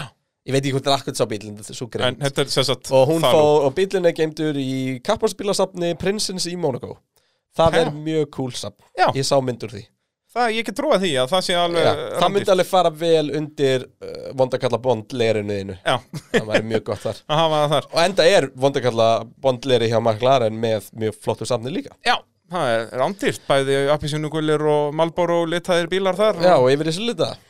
Yfir í, í Vodafone, Silverið og allt þetta Já. Að En, hérna, eh, Já, Leclerc uh, ólsegur En við sáum það líka um helgina sem sagt race pace-ið á ferraríunum er ekki jafn stert á maklarinu Það er ekkert að marka það þarna. Ekki? eh, Nei. Það snýst allt um uppstillingu, ég meina hvers mikið vang fórstu með henni í kefna. En þú, þetta er svona Fólk er að tala um þetta samt Já, Heldur race þetta pace sé er ekki- þvæla eða, eða vitum við ekkert um það eins og staðin nú Það, þú veist, reispessi virðist ekki verið jafn gott. En þessi helg er engin Nei, nei. barómetur á það, sko. Það er góða punktur Ah, Þú veist. En hvað hefur meira að tala um Ferrari? Þeir voru bara ógislega solid, Sainz að gera mistökun ógislega hraður, uh, engin munur á milli er einhvern veginn, jú, Callum Skate í, í tímatöku 2 Hann náttúrulega kemst ekki upp í Q3 Já, sem að hefði verið frábært svona, þú veist, þannig sé að ég myndi freka vel að starta 11 með frjálst ekki vel heldur en að starta 9 mjúkund ekki, sko. Já, fyrir utan að hann var komin upp í sjöfundasetti þarna eftir nokkra beigur þannig að þetta skipti Já. engum máli Nei, nei, þú veist, en, en hérna alltaf regningin eh, nullar út það Já, já. Atlantic, sko, en, en þú veist, þetta var, þetta var áhugavert og og, skemmtilegt með þessa helgi, ég er búin að afskrifa rigningu ég er með þess að tjekka ekki, hérna, ég fyrir alltaf að tjekka að það er svona rigningapæling Já, ég, það var ég er alveg frábæra síðan fyrir tveimu vikum var Já, en búið að svo vera spá var rigningu búið, á varstu, við vorum sunnudegi að skoða á föstinum viðspána og Já, svona á official, já, akkurat á svona Formule 1, en Svo það var bara- alltaf ef þú googlaðir þetta, þá var alltaf Svo rigningu bara mætum við í stúdíóið og þá er bara kviknaði Aston Martinum og hérna Bottas með sprungi dekk og Allir að Alonso búin að snúast. klessa á vegg og allt er enn Leclerc snerist líka upp í konarhugnum talandi um Ferrari, Óli Jón spyr Uh, er ekki Ferrari bara líklegt til að verða næst bestur restinni og eftir McLaren allavega sýnist manni að þessi McLaren vs. Ferrari keppni gæti alveg orðið eitthvað alvöru þetta sísón Já, bara nákvæmlega, þeir eru næst bestir af restinni akkurat núna Já, Þetta og er ekkert að verða, þeir eru það, hver, hvern annan ætlar að setja þar Já, Alfa þú veist- Tauri eru líklegastir Já, ég Og held þeir að eru ekki Alfa á pari Tauri við eru með, McLaren, sko. eru með bílinn í þetta en ekki ökuminn Ég er ekki viss um Alfa Tauri sem er bílið myndi, Nei. þeir eru með bílinn í þetta á köplum Já. Hann er dindóttur Já, já, það er góða punktur, það er rétt Það mun virka vel á einhvernum brautum Já. en annars staðar mér um Það átti hverskita að vera frábæri bara einn til þess Og ég átti Og og, vonu, og hann hérna. var frábær þarna En ekkert endilega frábæri í rigningunni Bara ef þeir hefðu sett dekk undir bílinn og gasli anskotin hafið það Já, en ég Það var meina, ég- eitthvað almesta nei, flopp ég sem veist að sögur ekki, fara af. Ég virði það, ekki- við það að gera bara eitthvað öðruvis Ég ætla Já, við aldrei að tölum um bögga þetta á neitt eftir, fyrir ég er aðra. nefnilega ósammála þessu, við förum yfir þetta á eftir uh, Magnaði og sent náttúrulega þarna, þessi ræsing sem við erum búin að tala um út að það, það er náttúrulega eina, eini svartibletturinn sem var yfir bara einn hjá honum, það var ræsingin Nú var það öfugt, Já, nú fór hann geðað vel á staðin síðan fór allt í, í skítin eftir það Ha. uh, Átni Haukur spyr Leclerc virðist uh, hafa náð uh, Ekki hafa náð. hafa ekki náð talstöðasamband eftir liðið eftir rauðaflaggið uh, hafði hann geta verið ofar ef hann hafði verið með talstöði Nei. eiranu Nei, Norris var bara raðari já, algjörlega, en þetta er samt magnaður uh, hérna á góða punktur og eitthvað sem við þurfum að ræða út að hann var eitthvað að reyna að redda þessu Já, að og manni þetta í uppgötast rauðaflagginu bara þegar þeir eru að fara af stað sko. Þannig að hann rýfur bara heyrnumtólusin úr Því að það er bara eitthvað að skýta skröð í því eða Já, bara álíka, eitthvað sko. píp og leiðindi Óþolandi stöf þegar svona lækjarist og þannig að hann var talstöðu laus þarna í þessa 30 ringi sem voru eftir Já. sem er já, Skellur já þetta er Þín óþægilegt æfing á föstudeginu já, nákvæmlega, þá voru þeir allir í myrkrinu bara þannig að- að Leclerc með magnaðan árangur hann að ná fjórðasættinu En þeir eru bara í fínum málum og Mjög fínum Sainz málum. er bara að fara að- þú veist, Núna er það bara Sainz að detti Mr. Consistent skila sínum 10 til 14 stíðum í keppni eitthvað þannig bara eins og þú veist, þarna, eða bara vera 10 til 12 50 á eftir stigum, Leclerc, bara rock solid ja. Og hérna og ég hef fulla trú, á- ég hef meiri trú út af talandum þetta McLaren Ferrari dæmi, ég hef meiri trú að Sainz heldur Rikki Ardó hvað finnst þér um það Kristján? Ég er ósamlega Hefur meiri trú á Rikki Ardó en Sainz? Ég er, ég er með swag fyrir ekki alltaf sko. Já, og þú ert líka búin að segja það alveg núna í öllum uppbytunum þáttum og eitthvað, þú hefur enga trú á Sainz Nei Það Nei, er ekki, ekki rétt. ekki beint, nei, það er Þegar ég rétt sagði, ég held að Sainz verði annarkvort frábær eða glataður, hann verður Já. hverkið hann á milli Já. og ég held að allt bendi til þess að hann ætla að vera frábær Já. en ég held bara Rikki Aldó verða líka og og ég held að það verði bara geggja ég held bara í alveg sem bara fara að sjá fjóra aukum en Já. bara gleym þessari stiga kynni bílas með það ef þú þurfum að fylgjast með því en draumurinn minn var bara, þetta var bara fjóra aukum en að berjast um, um Nú ætti alltaf bara, nú þarna ætti bara makla- fjórða til McLaren þriðja og Ferrari að bara setjast ekstra á baki tjöldin og semja um að ef þeir lendi í þriðja og fjóra sæti þá fá ég jafn mikið pening Nei, nú er þeir bara að búa til superformúlu og, og fyrir utan það fyrir utan það og ég meina, þetta er nú liðin til þess McLaren og Ferrari Já, er ekki, er nákvæmlega. ekki Þó að fá sé- nóga stóran bita kökun en eru stærstu nöfnin í Í Formule 1 Nákvæmlega, það, það er nákvæmlega svoleiðis að þetta er bara, En hérna- þó er sér ekki góðir núna en uh, þannig að þú veist, það er svona ég, ég myndi, ég, ég held ég sem bara að fara að horfa á fjara bílaslæði minna, þú veist Samt svo Rikki Ardó er núna jafnir upp að stig í, í kefni kemur, kemur á óvart ef að eh, Rikki Ardó myndi bara vera í top 3, bara efsta sæti sem mögulega hægt væri á þessum bíl í Mónaco jafnvel bara vinna Ég held ekki, sko heldur að Norris takin í Mónaco Já Rikki Ardó elskan Mónaco Hérna minn eins og Ímóla er mjög svipið braut frá Mónakó varðar eitthvað miðað við að bilaður. þetta snýst svo mikið um commitment og að fara 100% inn í allar beig Já, þú þarft að trúa og treysta og það sem Já. að Rikki Ardó alltaf var með þessum Red Bull bíl var að hann, þú veist, hann hafði meiri trú á, á bremsunum heldur en sko, þú veist bara páfinn p- trúir á Guð Já, það er hárétt Að- að- en, en þú veist, Ímóla er þó þetta sé ekki svipibröð hvað varðar alla karakteristika eða svoleiðis, en þetta, þetta er þröngt og þetta er svona, allar línur verða að vera 100% og þessin er tímatökur hingurinn alltaf svona Já, Ah, þarft. magnaður á að horfa mér lagt til Ég lagt til heldur betur Hérna, já, alla, ef ekki að halda áfram bara Jú, er það ekki? Þá Jú. er það Alfa Tauri Honda Já Svo nota krassaði í tímatökunum Hressilega Ekki hressilega, bílinn fór í steik en þetta var einhvern veginn mjög saklæsislegt fannst mér, þú veist, þegar ég horfði á Já. replay Ég er- fyrst þegar ég ég er sá svona að hugsa um bílinn, bílinn. hélt ég að bara að himman og jörð var að farast e, Já Þetta Hann líka leit var rúkst mjög að illa út. fyndi Hérna, boddi honum brotnaði svona svo ekki sko Já, þetta var eins og einhver að bara verið á pönnunni með, með afturrendar á bílnum Já. hann. bara brotið En þú þetta veist, það var allt í steik Ég hlaka alltaf að sjá sko Næst þegar ég fæ svona uppfært skjal yfir Já. Hvað er búið að nota Þú veist, Ég hugsa hugsaði bara þetta skipt um allt sko Já. Já, þú veist, allavega girkassa á alla Já, afturfjörður veist, ég er ekki að setja sér ónýtt Það er auðvitað að laga þetta og nota Ekki áfram girkass, girkassin brotnaði í Já, tvenn Kirkas verið Já, en hann er náttúrulega smíðið alltaf brotna á réttum stað, sko En það Já, spyrir já, hversu á mikið hann þetta ekki, á tjónast þetta inn ekki venjulega að vera þannig að þetta brotnir bara því sem er henni frá vélinni Það Já, er hann alltaf var svona hann bjöllúsið brotinn- brotinn frá vélinni. Já, það er náttúrulega hinn helmingurinn var á vélinni Ég er ekki, þú ert, þú ert Já, ég er bifriðavirkin í þessu bifvélavirkinn, það þætti er rétt. Ég kann að skemma, þú Já. kann að laga Ég held að þetta sé þannig að hann Lélegasti brotnar- bifriðavirki sem ég gætt fengið með mér í þetta dæmi er það ekki e, Jú, Já. ég, ég, ég hugsa, ég geti hugsanlega smurt bíl en ekki mikið meira en það Já, þú getur sett ólíuna á hann allavega Já, ég gæti kannski ekki skipt um smurtsingina, það er rétt. Ég myndi ekki treysta mér í það. en, en já, einkennilegt, einkennilegt tjón á bílnum hann eftir svona tiltölulega saklast högg við En dekkjavegin þetta þýtti það allavega, Júkisson notan á það engum tíma Þetta var bara fyrstir hingur í, Já, já. í Q1-um og ræsti bara 20 Já, stíg. uh, Gasly ræsti 50, klára 7 Júkisson notan þessi 20, klára 12 En sagan með Gasly er náttúrulega mun ítalegir en þetta, þar sem hann fer á þessu bláu full vett dekk, Hver er fleiri voru þetta? Það var hann og það var Okkon okkon og báðir hans. Já, og Haas voru alltaf bara Haas en þeir gáðu okkur ekki nýra mynd Það skiptir En engum máli. Okkon kláraði ekki fyrsta hringina Þú veist, hann bara Eh, á baku öryggisbíl fer inn á þjónusvæði og skiptir yfir í millihörð Hann Já, gerði var það ekki svo leis? Já. það. eh, Millihörð, millihlaut.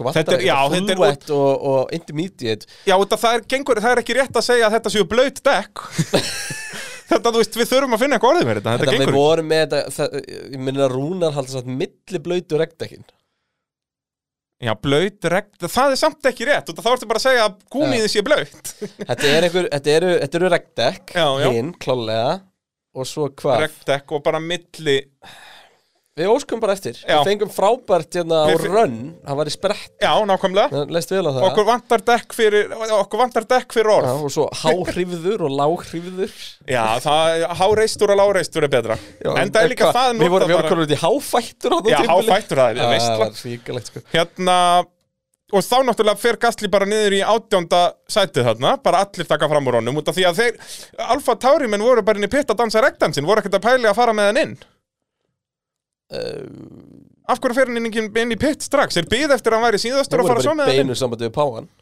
Beint samband, það er enda rétt Nei, en þú veist Það, er- þú veist Þetta er ekki alltaf um, spurningum Bræði, þetta er, nú ætlum ég að Nú ætlum ég að vera gamli vitri maðurinn hérna Mm. í stúdíónu Stundum þetta bara að taka séns og stikka með honum Ok, það, við, tölum um þetta á hann og ég sagðist vera ósámála ástæða fyrir ég er ósámála fyrir Gastli að taka sjensatna þegar hann ræsir 50 á braut sem að bílina á að vera góður á er að Alfa Tauri finnst mér núna eigi að vera í þessum slag við Ferrari og McLaren um um þeir að, voru aldrei að fara eitthvað að berjast við Red Bull og Mercedes og dekja á allir sko. nei sko ég skil ef að Alfa Tauri hefur ræst 50 þarna ef þeir væru venjulega að berast við Alfa Romeo og þá myndi bara ok við ræsum 50 setjum bara þessi dekk undir og reynum bara að vinna þú veist, gerum tökum eitthvað bara flink hérna tökum bara Monza Já, ég segja á það, tökum eitthvað bara, wow, heyrðu, út af við erum hvað sem er ekkert í neinum slag, bara förum all-in, bara allt eða ekkert. En Alfa Tauri á þessu tímabili eru með það góðan pakka í höndunum og að ekki skila raskat af stigum Nei, nákvæmlega, núna eiga er að vera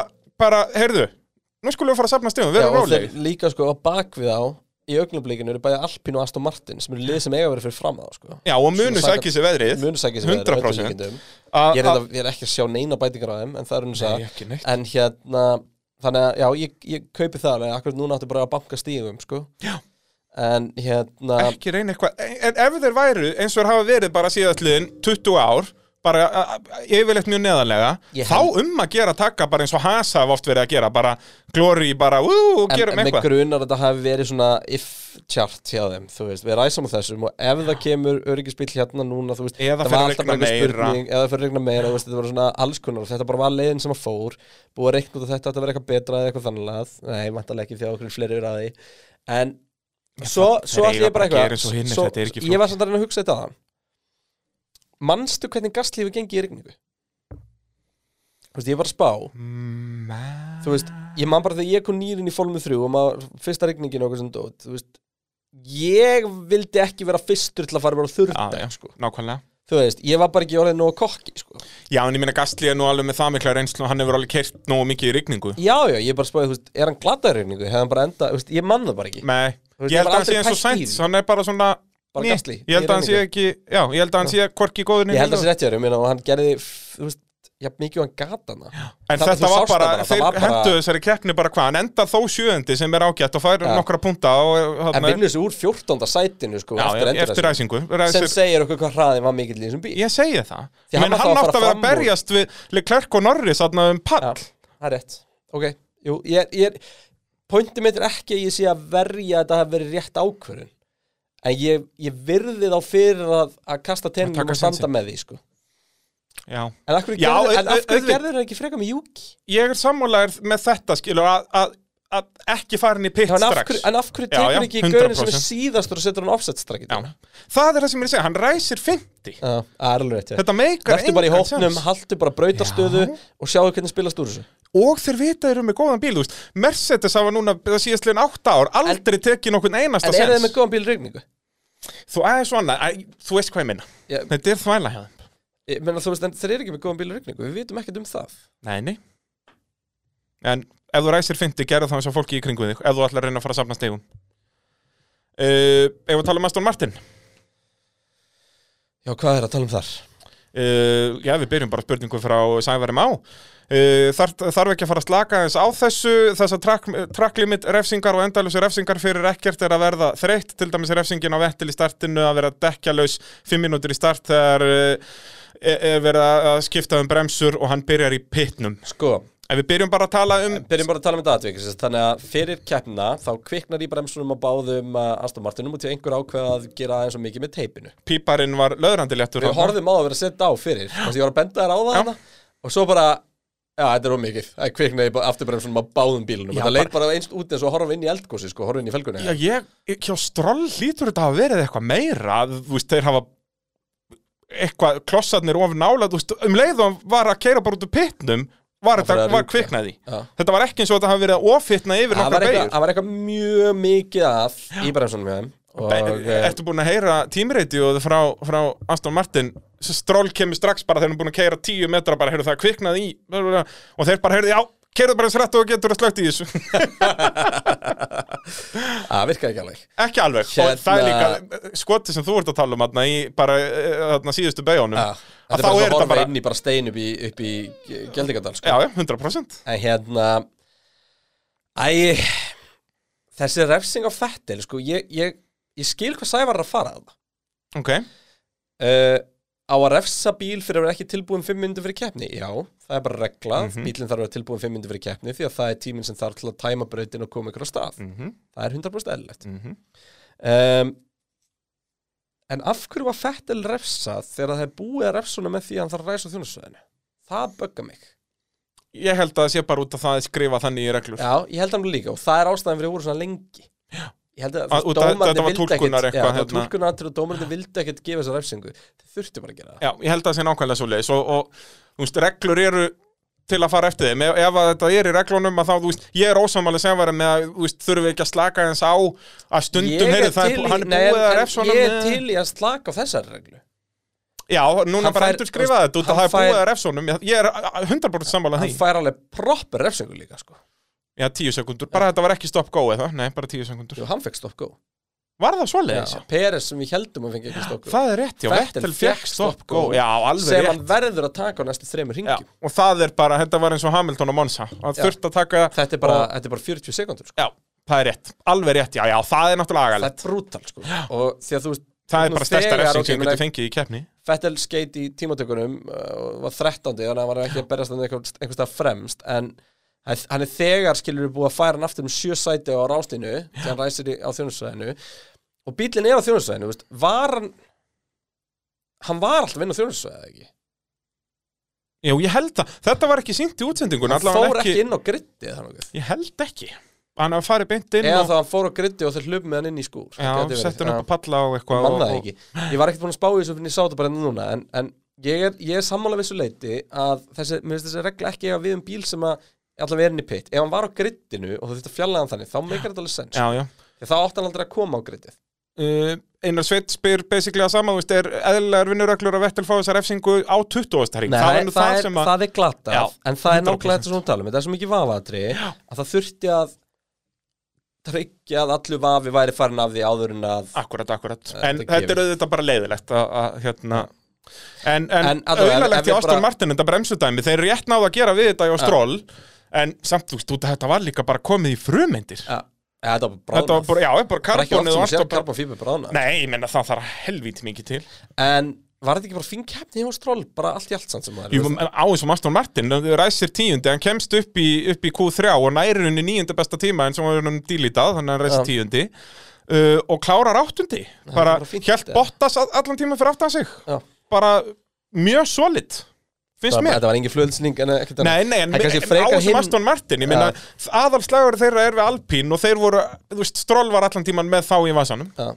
þannig að Ég held að við þurfum aðlega að tala um Fettel Brynjar Smári spyr Er Vettel búinn? Fær hann samning eftir þetta tímabil? Hilmar Vegar spyr eh, Er hann Vettel búinn að missa peysi sitt? Ég veit að Aston Martin eru hægarinn í fyrra en hvað er í gangi? Og Hörður Kárasson eh, orðar þessa sömu spurningu á mjög skemmtilegan hátt Eh, Miðað við framistöðu Vettel hefði hann ekki þurft að nota þennan eh, Formulino kött sem, að- sem hárköllu á meðan að kefni stóð Hvað er orsakað þess að slæma gengi á Aston Martin og Vettel? Er þetta innanhúsvandamál eða er gamli maðurinn hreinlega búinn með það besta?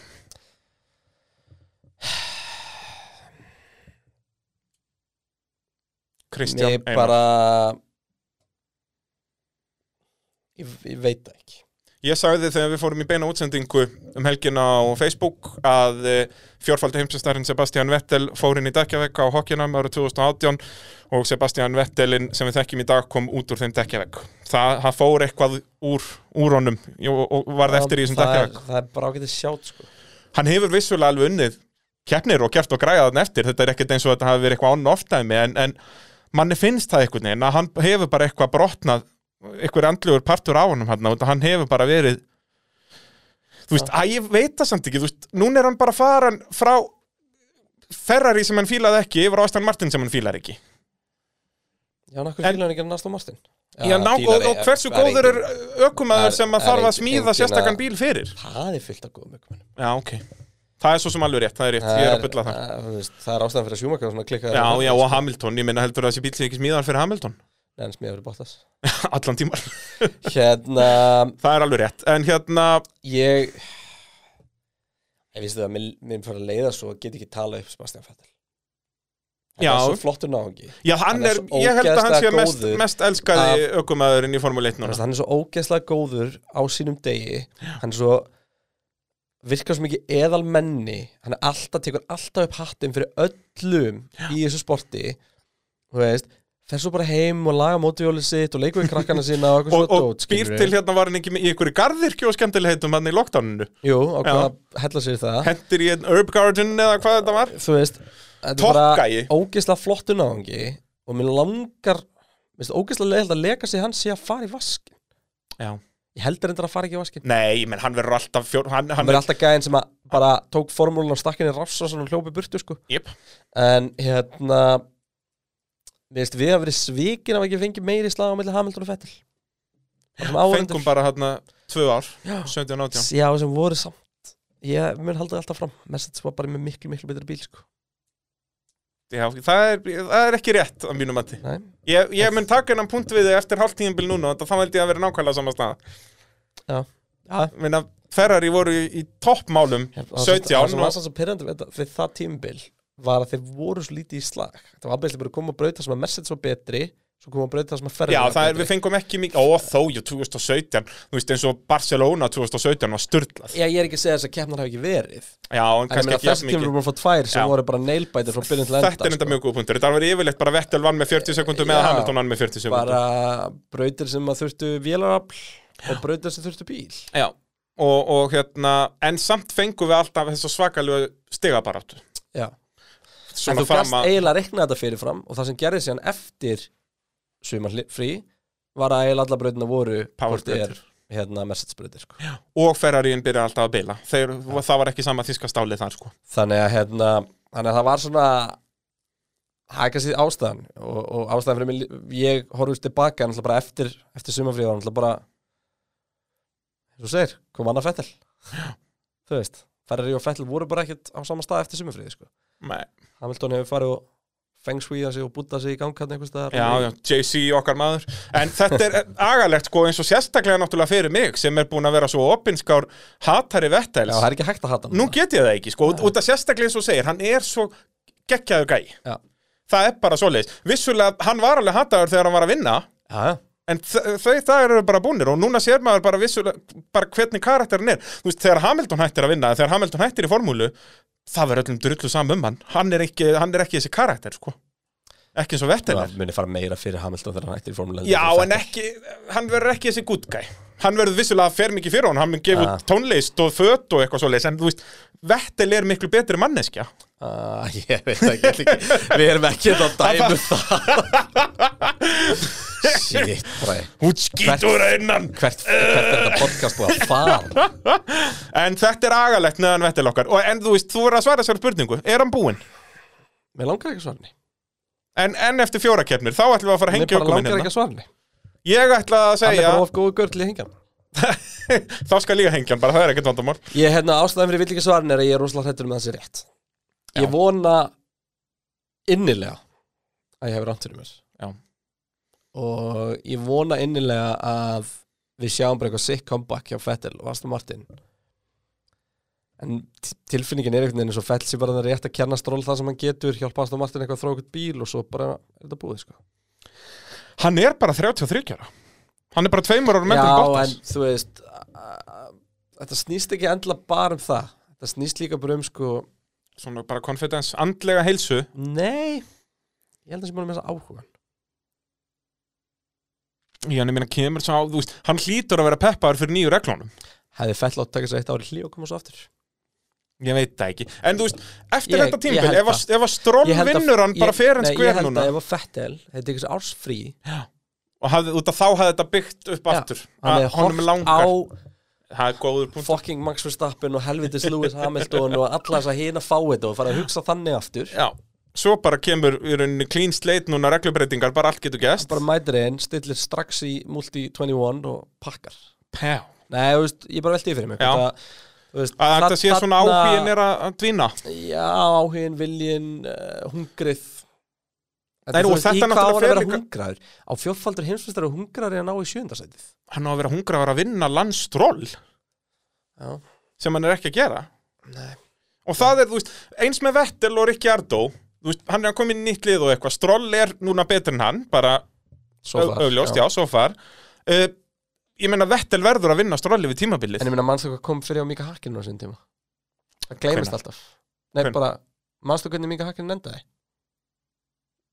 Hann Bara- man það enginn því að hann gerði ekki neitt í restina Hann hætti bara, hann Já, fjaraði, hann hann fór fjaraði bara. bara út En hann var löngu búin að fjara út að hann hætti Nei Víst Hann- eign- hættir hann ekki eignast, 2000? eignast setna barnisillendir stóri krassi og verður aldrei saman gæðan eftir það Já, en hann, það var Eignast bara í fyrsta barnið eitt sitt. ár Já, Ég meina hann hætti bara, Já, ég segi hann það fattaði það bara Já, já, akkurat, já, Er ekki bara saman 100% búin að gerast þau fettil Jú, jú, nema hann hafði ekki vitað að hætta Þú veist að Hakkinen, eins og þú segir, það er alveg rétt, Fæla hann, 15 miljón eurur ári hjá Aston Martin, sko Já, já, ég meina heldur Hakkinen hafi ekki fengið fínasta pening líka Öruglega En þetta, En og, var Hakkinen búinn í samningur eða?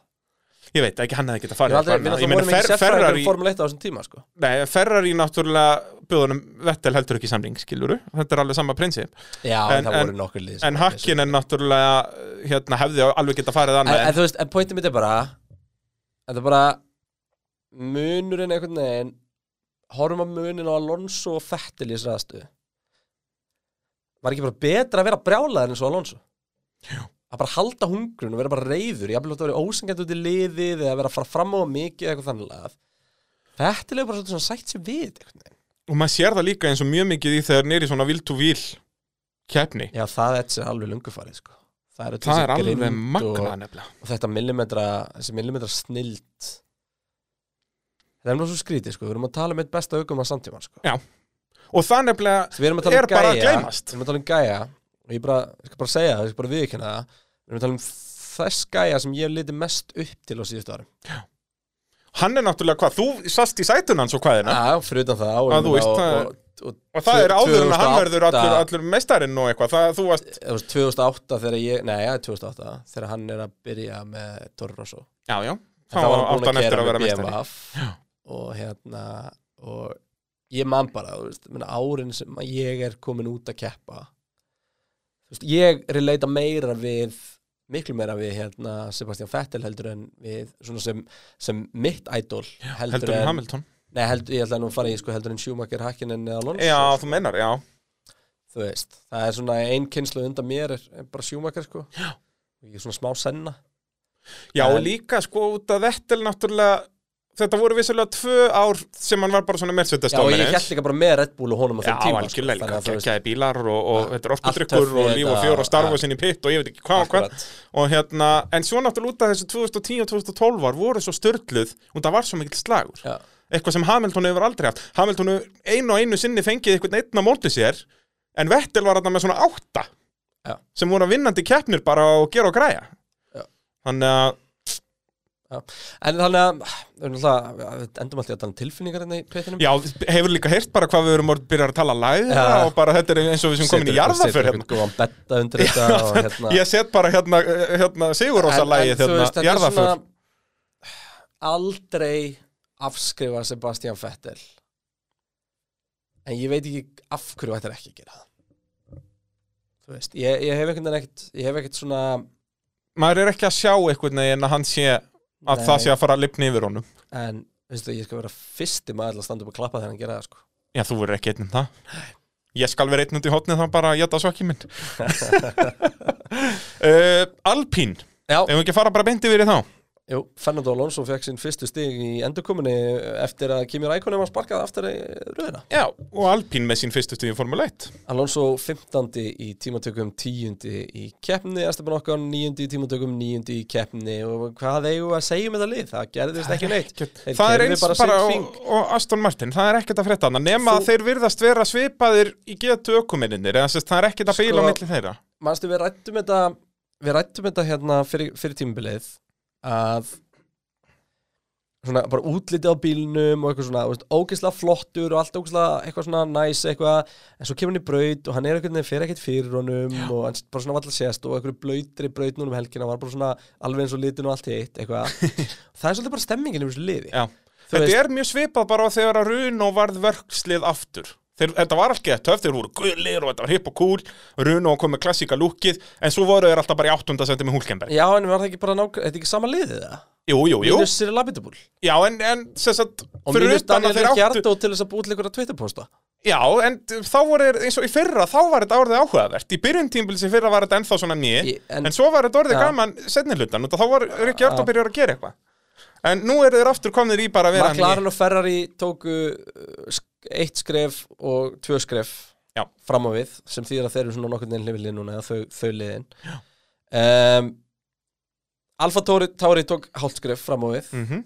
Alpín stóð í stað og Aston Aston Martin Martin. tók eitt skrif aftur á bak Nákvæmlega og það er bara, og þannig er þessi röð bara þú veist, að það er bara ekki meira á milli, ég meina það er ekki raskat á milli, Nei, það nei. er bara nót til þess að það verði ekki keppni sko. Hver, uh, hver heldur að verða undan í lók tímbils? Alpín eða Alfa? Nei, eða, eða Aston? ég, mínu upplifin er bara svo, svo miklu meiri stemming í krigum Aston Martin, þú veist Já, Lorenz Stroll er ekkert að mæta þannig að vera sáttur sko. Nei Vist, all, Ég er og hvað sammála, ætlar að það segja er nefnilega við hann mikil- þegar sestur mikil í fram stemming. að á fundurum ætlar að svara honum með það það er, og, ég, ég held að þetta sé nefnilega líkil atriða Það er einhvern veginn miklu meira svona pepp og, og, og Já, þú stemming í kringum Aston Martin Toto Allt út í Wolff. sponsum Toto Wolff og, og Lorenz Stroll saman í herbyggi mesta alfa meil samkoma Já, í heiminn nákvæmlega, sko, nákvæmlega en hérna, ég veit það ekki ég, ég er svona ég upplifi bara enga stemmingu kringum Alpín Nei. ég upplifi bara svona svona svona lið sem bara búið að ákveða að hætta Og Alonso eitthvað, það er engin, engin neist í honum Jó, sko. ég er nú ekki sammála því Nú, Já, já, hann kemur, hann verður brjálega bara engar ákveð engar á að gera því Já, vonandi vera það hann sem er fyrst náttúrulega sko Alonso er náttúrulega bara svona chihuahua hundur hann er Ég bara veit það. alltaf brjálaður Hann er bara, ef það kemur eitthvað nálægt honum byrjar hann að gelta það er svolítið þannig sko Það er ekkert flókið vandamál. Þess Ég vegna á hann að bara- vera að keppa bara í Dakar út að þá er fimm mínútur í næsta bíl og fimm mínútur í bílinn fyrir aftan. þá getur hann Já. ekkert verið að elta. Nei, að að gelta Ja, sig.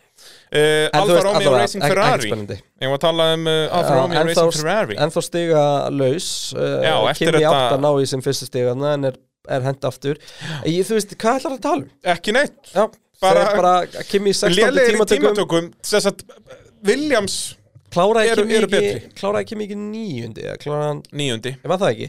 Hann ræsti 16. kláraði 9. Var bara nokkuð góður í keppni en, en er svo sparkað aftur hana. Og við vorum bara að ræða það áðan. Við rættum það og mikill að fara að tala um það aftur. Uh, Giovanazzi 17. tímatökum, 14. í keppni og einmitt þetta var ógeðslega tíðindalus keppni. Það var fallegt að sjá Alfa Romeo ummála. Það var eina sem ég get sagt. Og, og, en Svissneska bílu. mjög mjö lélegir í, í tímatökum og, og Williams virðast vera betri þetta tímbil og talandi um Williams frábær tímataka á Já, þeim bara helgin gati ekki byrja betur hjá William sko. báðir í Q2 Er þetta Latifi klest í æfingunum að ekki?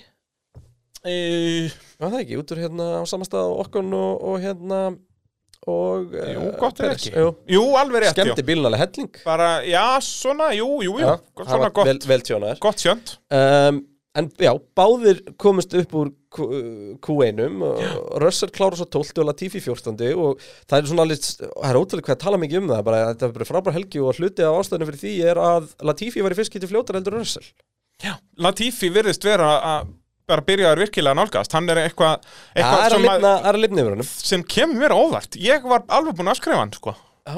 með að, þú veist, hann hafði heilt tímabili fyrir til að gera eitthvað og hann gerði ekki nokkuð skapaðan og nú er hann bara, já allavega núna um helgina leit þetta vel út, en svo náttúrulega fór skíturinn í viftuna strax á fyrsta ring Latifi út af að samastáðanlega klerkaði fara út af uppbytunarringnum, kemur hann á brautina fyrir Mazepin og bombar á veggin, bara á beinum kabla og uh, dettur úr leik og svo náttúrulega Russell atvikið sem við tölum um áðan gott ef ég er ekki með aðra spurningu en það kannski átt að setja hana í hitt en uh, já, við, við uh, sk- uh, heyrum hvað hann Sævar Helgi hefur að segja um þetta geti Russell farið að missa þólumæðala fyrir Mercedes Uh, hafa hann í þrjú ári hræðilegum Williams, Tóta að kenna honum áraksurinn og tala um að uh, hann ætti ekki að uh, vera að taka þess áhættu á móti Mercedes bíl Hvað heldur um það Kristján? Heldur að George síðan fari eitthvað annað en Mercedes?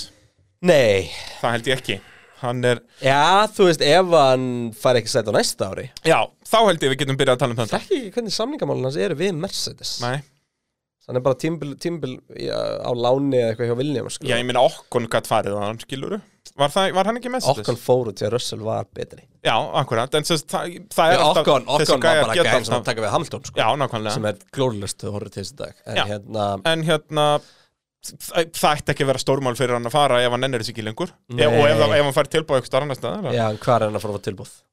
Ef að, þú veist, Gastli fer til Alpín að fara til Alfa Aston Martin. Tauri En hann er ekki að fara til Aston Alfa Martin. Tauri Aston Martin, og kannski ef að Vettel gefst upp. en af hverju ættum að gera það? Já, nákvæmlega, af þú veist, hverju, af hverju ættur einhvern tímann að sleppa tækin á Mercedes-sæti? já, svo náttúrulega Ég er reglubrenningunum, ef að Messi þetta sætt að vera bestir og þá kannski 2023 að þá geta hann fara, já, einmitt, fara á önnur, önnur 2023, lið. en þú veist, ef, þú- ef Það er bara í tvö ár í haust það. ætlar að fara fram Mercedes Nei, hvernig ekki er haust, ég segi það a- a- a- En Ég held hvort er að Russell verði í Mercedes og næstur, ég er búin að segja það frá byrjun já, Þess tímabils. ég, mér langar helst að sjá bara Verstappen og Russell saman Nei, Jú, já, það verið fínt nei, ég vil fá slæðin bara Já, reyndar hafa Vers- Ég, ég vil Verstappen bara í hafa einn Red Bull. geggjaðan í hverjum bíl að nema að þetta verði eitthvað svona one car race aftur kjöftaði, ég nenni því ekki Já, það verður svo leis, þið heyrðu það Nei, fyrst nei, hér, nei. gott fólk, Nei, víst nei, nei, Jú. Ekki vera svona, svona Já, neikvæður það, nei, ég er bara, ég er að Hundar segja eiga að fólki vera glaðir. Ég er að, ég er að segja, ég er að segja fólki fréttir Herru, er það ekki bara uh, Gunther Steiner stórvinnur okkar? Haas Ferrari Já Þá er það Ágúst Ingi sem að spyr Er vera Massepin í Haas eitt stort samsæri á Ferrari? Massepin kemur með fullt af peningum inn í Haas og Ferrari heldur áfram að sel selja þeim vélar og Haas eh, venur sjúmakkjar á Formule 1 fyrir þá í staðinn. Massepin er líka svo lélugur að enginn pælir í því hvað mikk er ekki að gera neina rósir á fyrsta tímabili. uh, Hvar er álpappi satturinn? Ég sko, málega er bara það að þú getur eiginlega bara tekið út samsæriskenninguna Já, því að þetta er, þetta er bara svolítið nálægt staðrindinni sko já, fyrir utan eitthvað að Ferrari er ekkert að fá að- eitthvað mikið af þessum peningum. Nei, nei, nei, nei. og það er bara hluti á dílnum með vélarnar að þeir skóli mikk sjúmakar Já, já, 100%. það, það er ekkert lindamál Nei, sko. nei. um, ég hugsa að Ferri hefði svona alltaf viljað frekar hafa þú veist, Roman Grosjan við hliðina á honum, Já, já. eitthvað sem hann getur lært eitthvað af, sko. Rækonin ef hann hefði farið í Já. Alfa Romeo sem ég skil enn þann dag í dag ekki nei, það var eitthvað svona reynd að útskýra ekki Drive to Survive, en ég samt helvítið ekki að stjóða skilja það, nazi ég ég skil ekki akkur hann er það í Formule 1 sko. hann er alltaf að koma til já, já, en hann þetta er ferrar í sæti að það þýðir ekki að hafa eitthvað sem er að koma til já, en ég minna Ferri litu ekki á sem svo að Robert Schwarzman verið tilbúin Nei, eða hann Elliot, Elliot hana. Elliot, kallum Elliot, þannig að þú veist já, já, það er alveg rétt það, minna, það verða aldrei 20 stórfengleir aukumennur á slíninni sko. Meni. og Giovanazzi á mjög hraða spretti hann er mjög hraður aukumæður já, já, það er alveg rétt ég, hann er bara hann svona bara mér sökkaði svo tímbil að við fengum bara leið á honum þetta er, þetta er Þú veist, maður hætti ekki að ágætis gleyma það, punktur. gæinn sem er hliðin á honum er eini görinn sem hann fyrir að tala við McLaren og þeir segja að hann sé hraðar heldur en eh, Ayrton Senna, sko. já, Þú veist, þannig að Rækonin, ég elska hann að mann svo mikið ja, ég hef verið ógslag gaman ef maður hefði séð sko Rækon og Leclerc saman á sínum tíma í Alfa Romeo. Þegar já, Leclerc, þú alveg veist, rétt, bara- þeir skipta náttúrulega já, það er rétt þú veist, Það hefur verið svona eitthvað svona skemmtilegt. En uh, haspilin eru bara ekkert með í þessari keppni, þannig að við þurfum eiginlega bara að, ná, að tala um hérna atvikið. Já, mér, Eh. mér finnst nú að ég var að fara í þetta hér Jak się masz? I like sex. It's nice. Oh, big look up there. He's going to go off the road. Nikita Mazepin. got on the curb, tried to avoid making them spun. Great success. Já, það er Masepin hotnið maður dásamlega heitt Á að það skilja núna? Á hann að skila, hann snerist allavega tvisasunum í keppni Herri, svo ég vitað er. reyndar, ég reyndar, ég var kjáftstopp í æfingum, mannstu þetta því?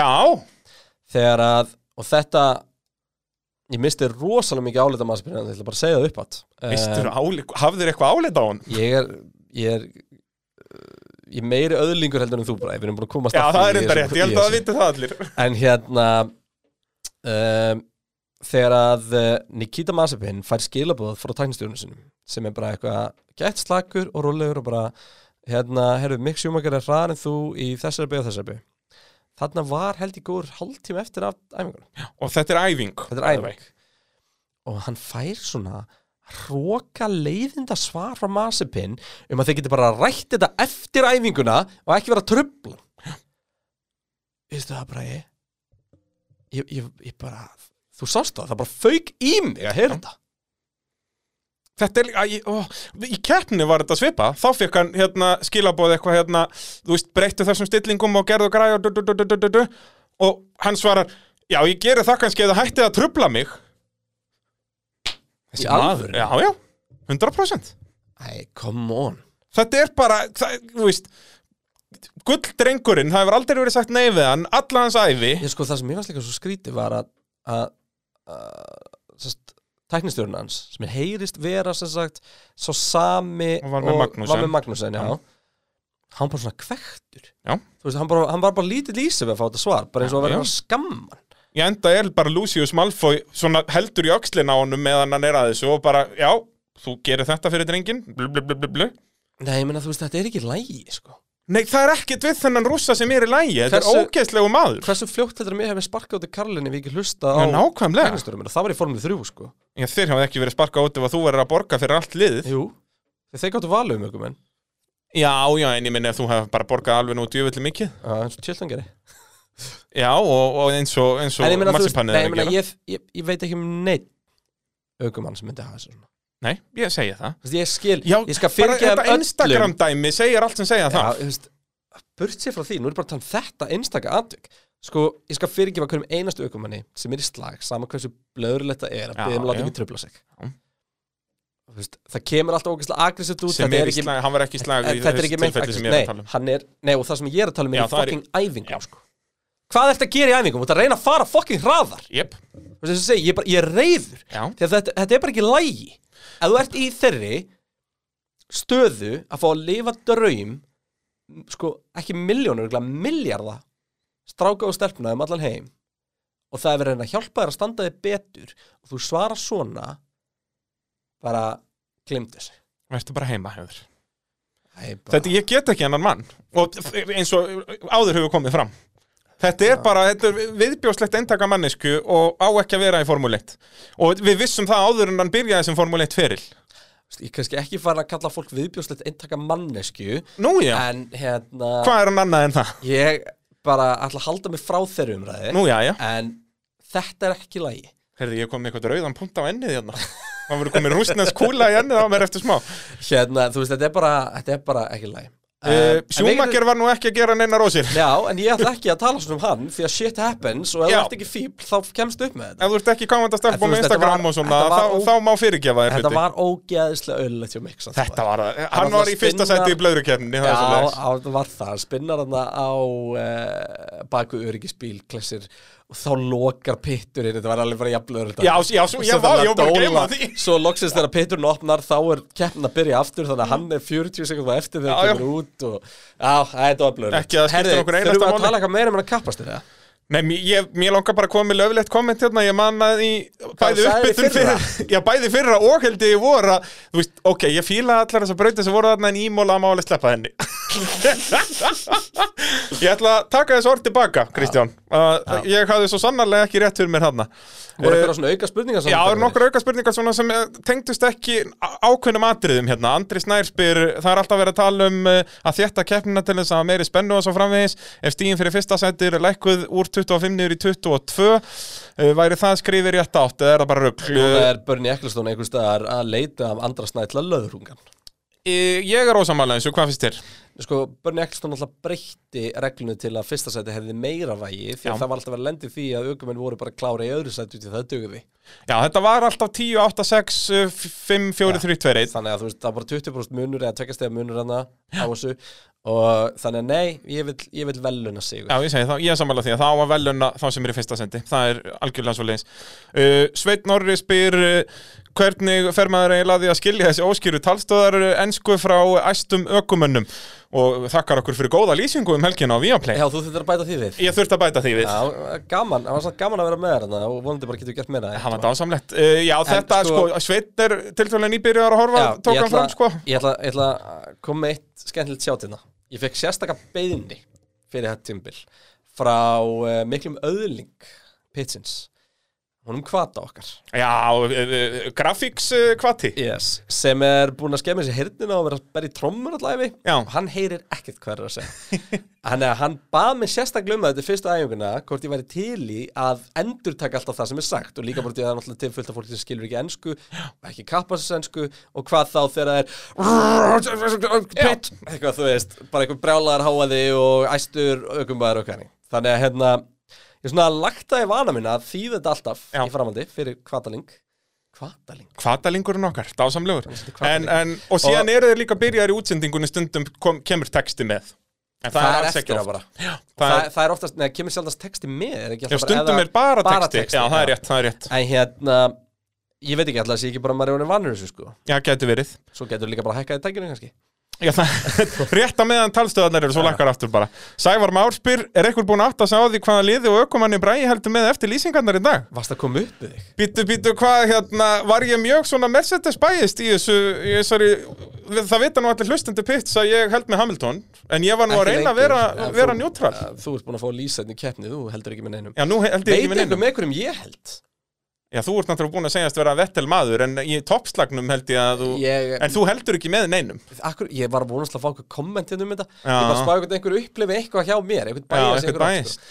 Ég sko eftir að ég sá þetta komment þá náttúrulega fór ég alveg bara ringi í stólnum mínum og leið smaka illa og fór að spurja félaga mín að sest, var ég með eitthvað svona bæjist og eitthvað eina svari sem ég fekk að eitthvað held að ég væri norlísmaður Já, en er ekki allir norðismennin Jú, ég held það, maður verður bara að vera jákvæður í kringum hann Það er nefnilega, þú veist, ég skal alveg viðkynna það að það sem að gæti komið upp með einhverju svona er það að ég er alltaf underdog maður Já, Það er bara en fyrir það er söguna, ég líka- elska bara söguna. Já, og það er líka allir sammálaðir í því sko Já, Þú ja, veist það. ekki allir Nei, nei, En en, en, hérna, ég, en- var ég að skýti degi þarna? eða? Ég, ég fekk allavega síntal frá Danmarku bara, he, he, uh, Bræði snakkar uh, s- uh, only um uh, Lewis Hamilton Er það Hann sagði, svoleiðis? Jæ, jæ, ha, nei Ég, mér, ég, mér líður ándjóks bara illi yfir þessu Ég held að Já. ég hafi verið að skýta á með þarna Já, varst að því Já, það verður einhver að kúka, sko Uh, Batti Hlöða, okkar eini, okkar eini sanni, Baldur Arnar uh, Meistarameistari rally Þið eru með gilda bíhundin en væri ekki rétt að veita svífandi grænlenska haförnin líka Ég- Jú, við getum gefið hann fyrir stærsta krassi Já, hvernig væri það? Það er helviti erfitt fyrir einhvern blöðrugæg að búið til svífandi grænlenskan hafur Já, hvernig eru grænlenskir Ég haförnir? er nefnilega sko, það, það eru alveg erðnir á Grænlandi held ég sko. Alveg örugglega. En Ég held að sé bara hafverðnir Já, það- þetta, þetta hljómaði skemmtilega þannig ég ákvað að henda í þetta í, í Víaplí útsendingunni svona fyrir Velkomin þá sem að í, uh, vit ekki neitt hvað við erum að tala um hérna Að þá- Velkomin í dýrlífsþáttin uh, Já, Pítin ég- við ég ætlum ætla að tala um nefnilega uh, hafverðnin sem býr á Íslandi og Grænlandi Ég ætla nefnilega að byrja að vinna með þetta sko í Víaplí útsendingum að koma með fleiri bjánuleg dýr og aðtöða hvort að fólk spotti það. Ok, það Hvernig líst þér á það? já, já Þa, þetta þýðir nei, hlustendur En eh, ég læt Kristján ekki segja mig fyrir verkum Þannig að, en já, just fyrir það sem mistaði af þessu að þá lísti ég framúrakstri Var það ekki Hamilton á Rikki Ardó að Hamilton hafi farið framúrunum eins og svífandi grænlenskur hafvörn Jú, eitthvað hannig Það geti verið Ég mali ég ætla bara svona ha, Já, er þú það varst til? gott spurningamerki Ég þarna. held að það spurti mér Já, gott ef ekki. Eh, Einar Hermannsson, eh, Einar Kind, spyr eh, hvernig stendur á því að Formule 1 er með háþróustu bíla í heimi en eldgamla landkrúsera sem að sjúkrabíla?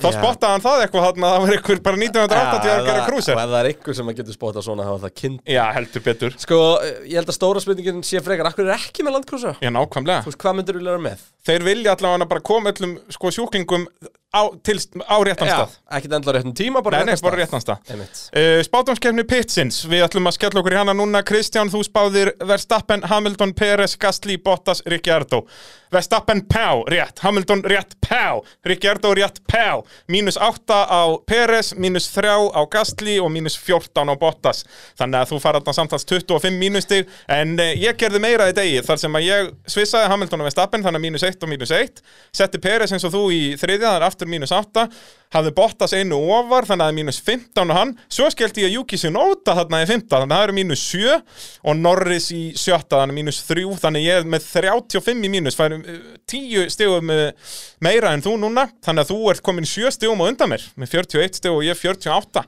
Já, uh, spátumskeppnin okkar fyrir næstu keppni er ógeðslega leiðileg. Ég er búinn að sjá hvað við skrifum báðir. Erum við með það sama eða? Nei, en þetta er samt, við erum báðir allt of konservatíð. Þa, það var sem sagt sko Nú á ég að byrja í rauninni, þú byrjaði síðast Þannig ég spáði Hamilton, Verstappen, Peres, Bottas, Norris, Leclerc Ver, og ég er með Verstappen, Hamilton, Bottas, Peres, Leclerc, Norris. Ok, en við erum með, það er engin á réttum stað en þetta munar allt bara einum Já. Þannig Það að, það er engin á sama stað hér. nei, nei, engin með nákvæmlega sama en það er allt bara munar bara einum og öllum þannig að þetta verður svona, það verður bara nokkur stíð á Það er milli samt okkar ekki tissa á þetta, er þið ekki Mercedes eða Red Bull í þriðja eða fjóra seti. Já, já, og það kemur sko. alltaf eitthvað, eitthvað upp Já, þú veist, eh, en Porta Má er samt ekki braut sem býður upp á eitthvað brjálaða dramatíka. Hún skemmtileg fyrir hann alltaf ringdi, sko. Já. En þú veist, þetta er... þetta er Gætum rosa- fengið leiðilegan kapastu núna Var ég ekki alltaf að lýsa en það væri svolítið svona Katalónia. Já, Þetta er svona svolítið þannig braut. Já. akkurat Þannig að... Þeir eru alltaf flottir framúrakstararnir í fyrstu beigðu, það er yfirleitt farið utan á en fyrir utan það þú veist, þetta er svona það gæti verið að við fáum leðilega keppni núna en það, formálinn skuldar okkur ykkur alveg leðilega keppni ef við erum miðað við alla Leiðilega ekki veisluna. leiðilega, ég meina ef það er bara einhver slagur og spenna og þetta sé ekki endilega mesta dramatík á brautinni Já, já. þá er bara að fylgjast með tímunum og velta fabulunum með hvað getur gæst Algjörlega. hluta af þessu Herðu, Pitturinn, þakka fyrir sig að sinni takk öll yndislega fyrir að eh, nenna að hlusta til enda Við Þeir biðjumst verða alltaf afsökunar lengri á og lengri hlutunum hjá okkur. okkur þættirnir. Já, þetta er svakalegt þetta er rosalegt Þetta er svakalegt. Minnum ykkur á að, uh, já, ef þið elskir pittin þá elskir líka fyrirtæki sem standa baku ykkur og uh, þar eru verkfærasalun og bólstofan heldur betur að standa fyrir sínu ójá, og uh, já, svo er bara um það um að gera að kíkja á Víaflei. Það er aldrei að vita nema að vera ykkur leiningastur með mér aftur næst. bara bing bara boom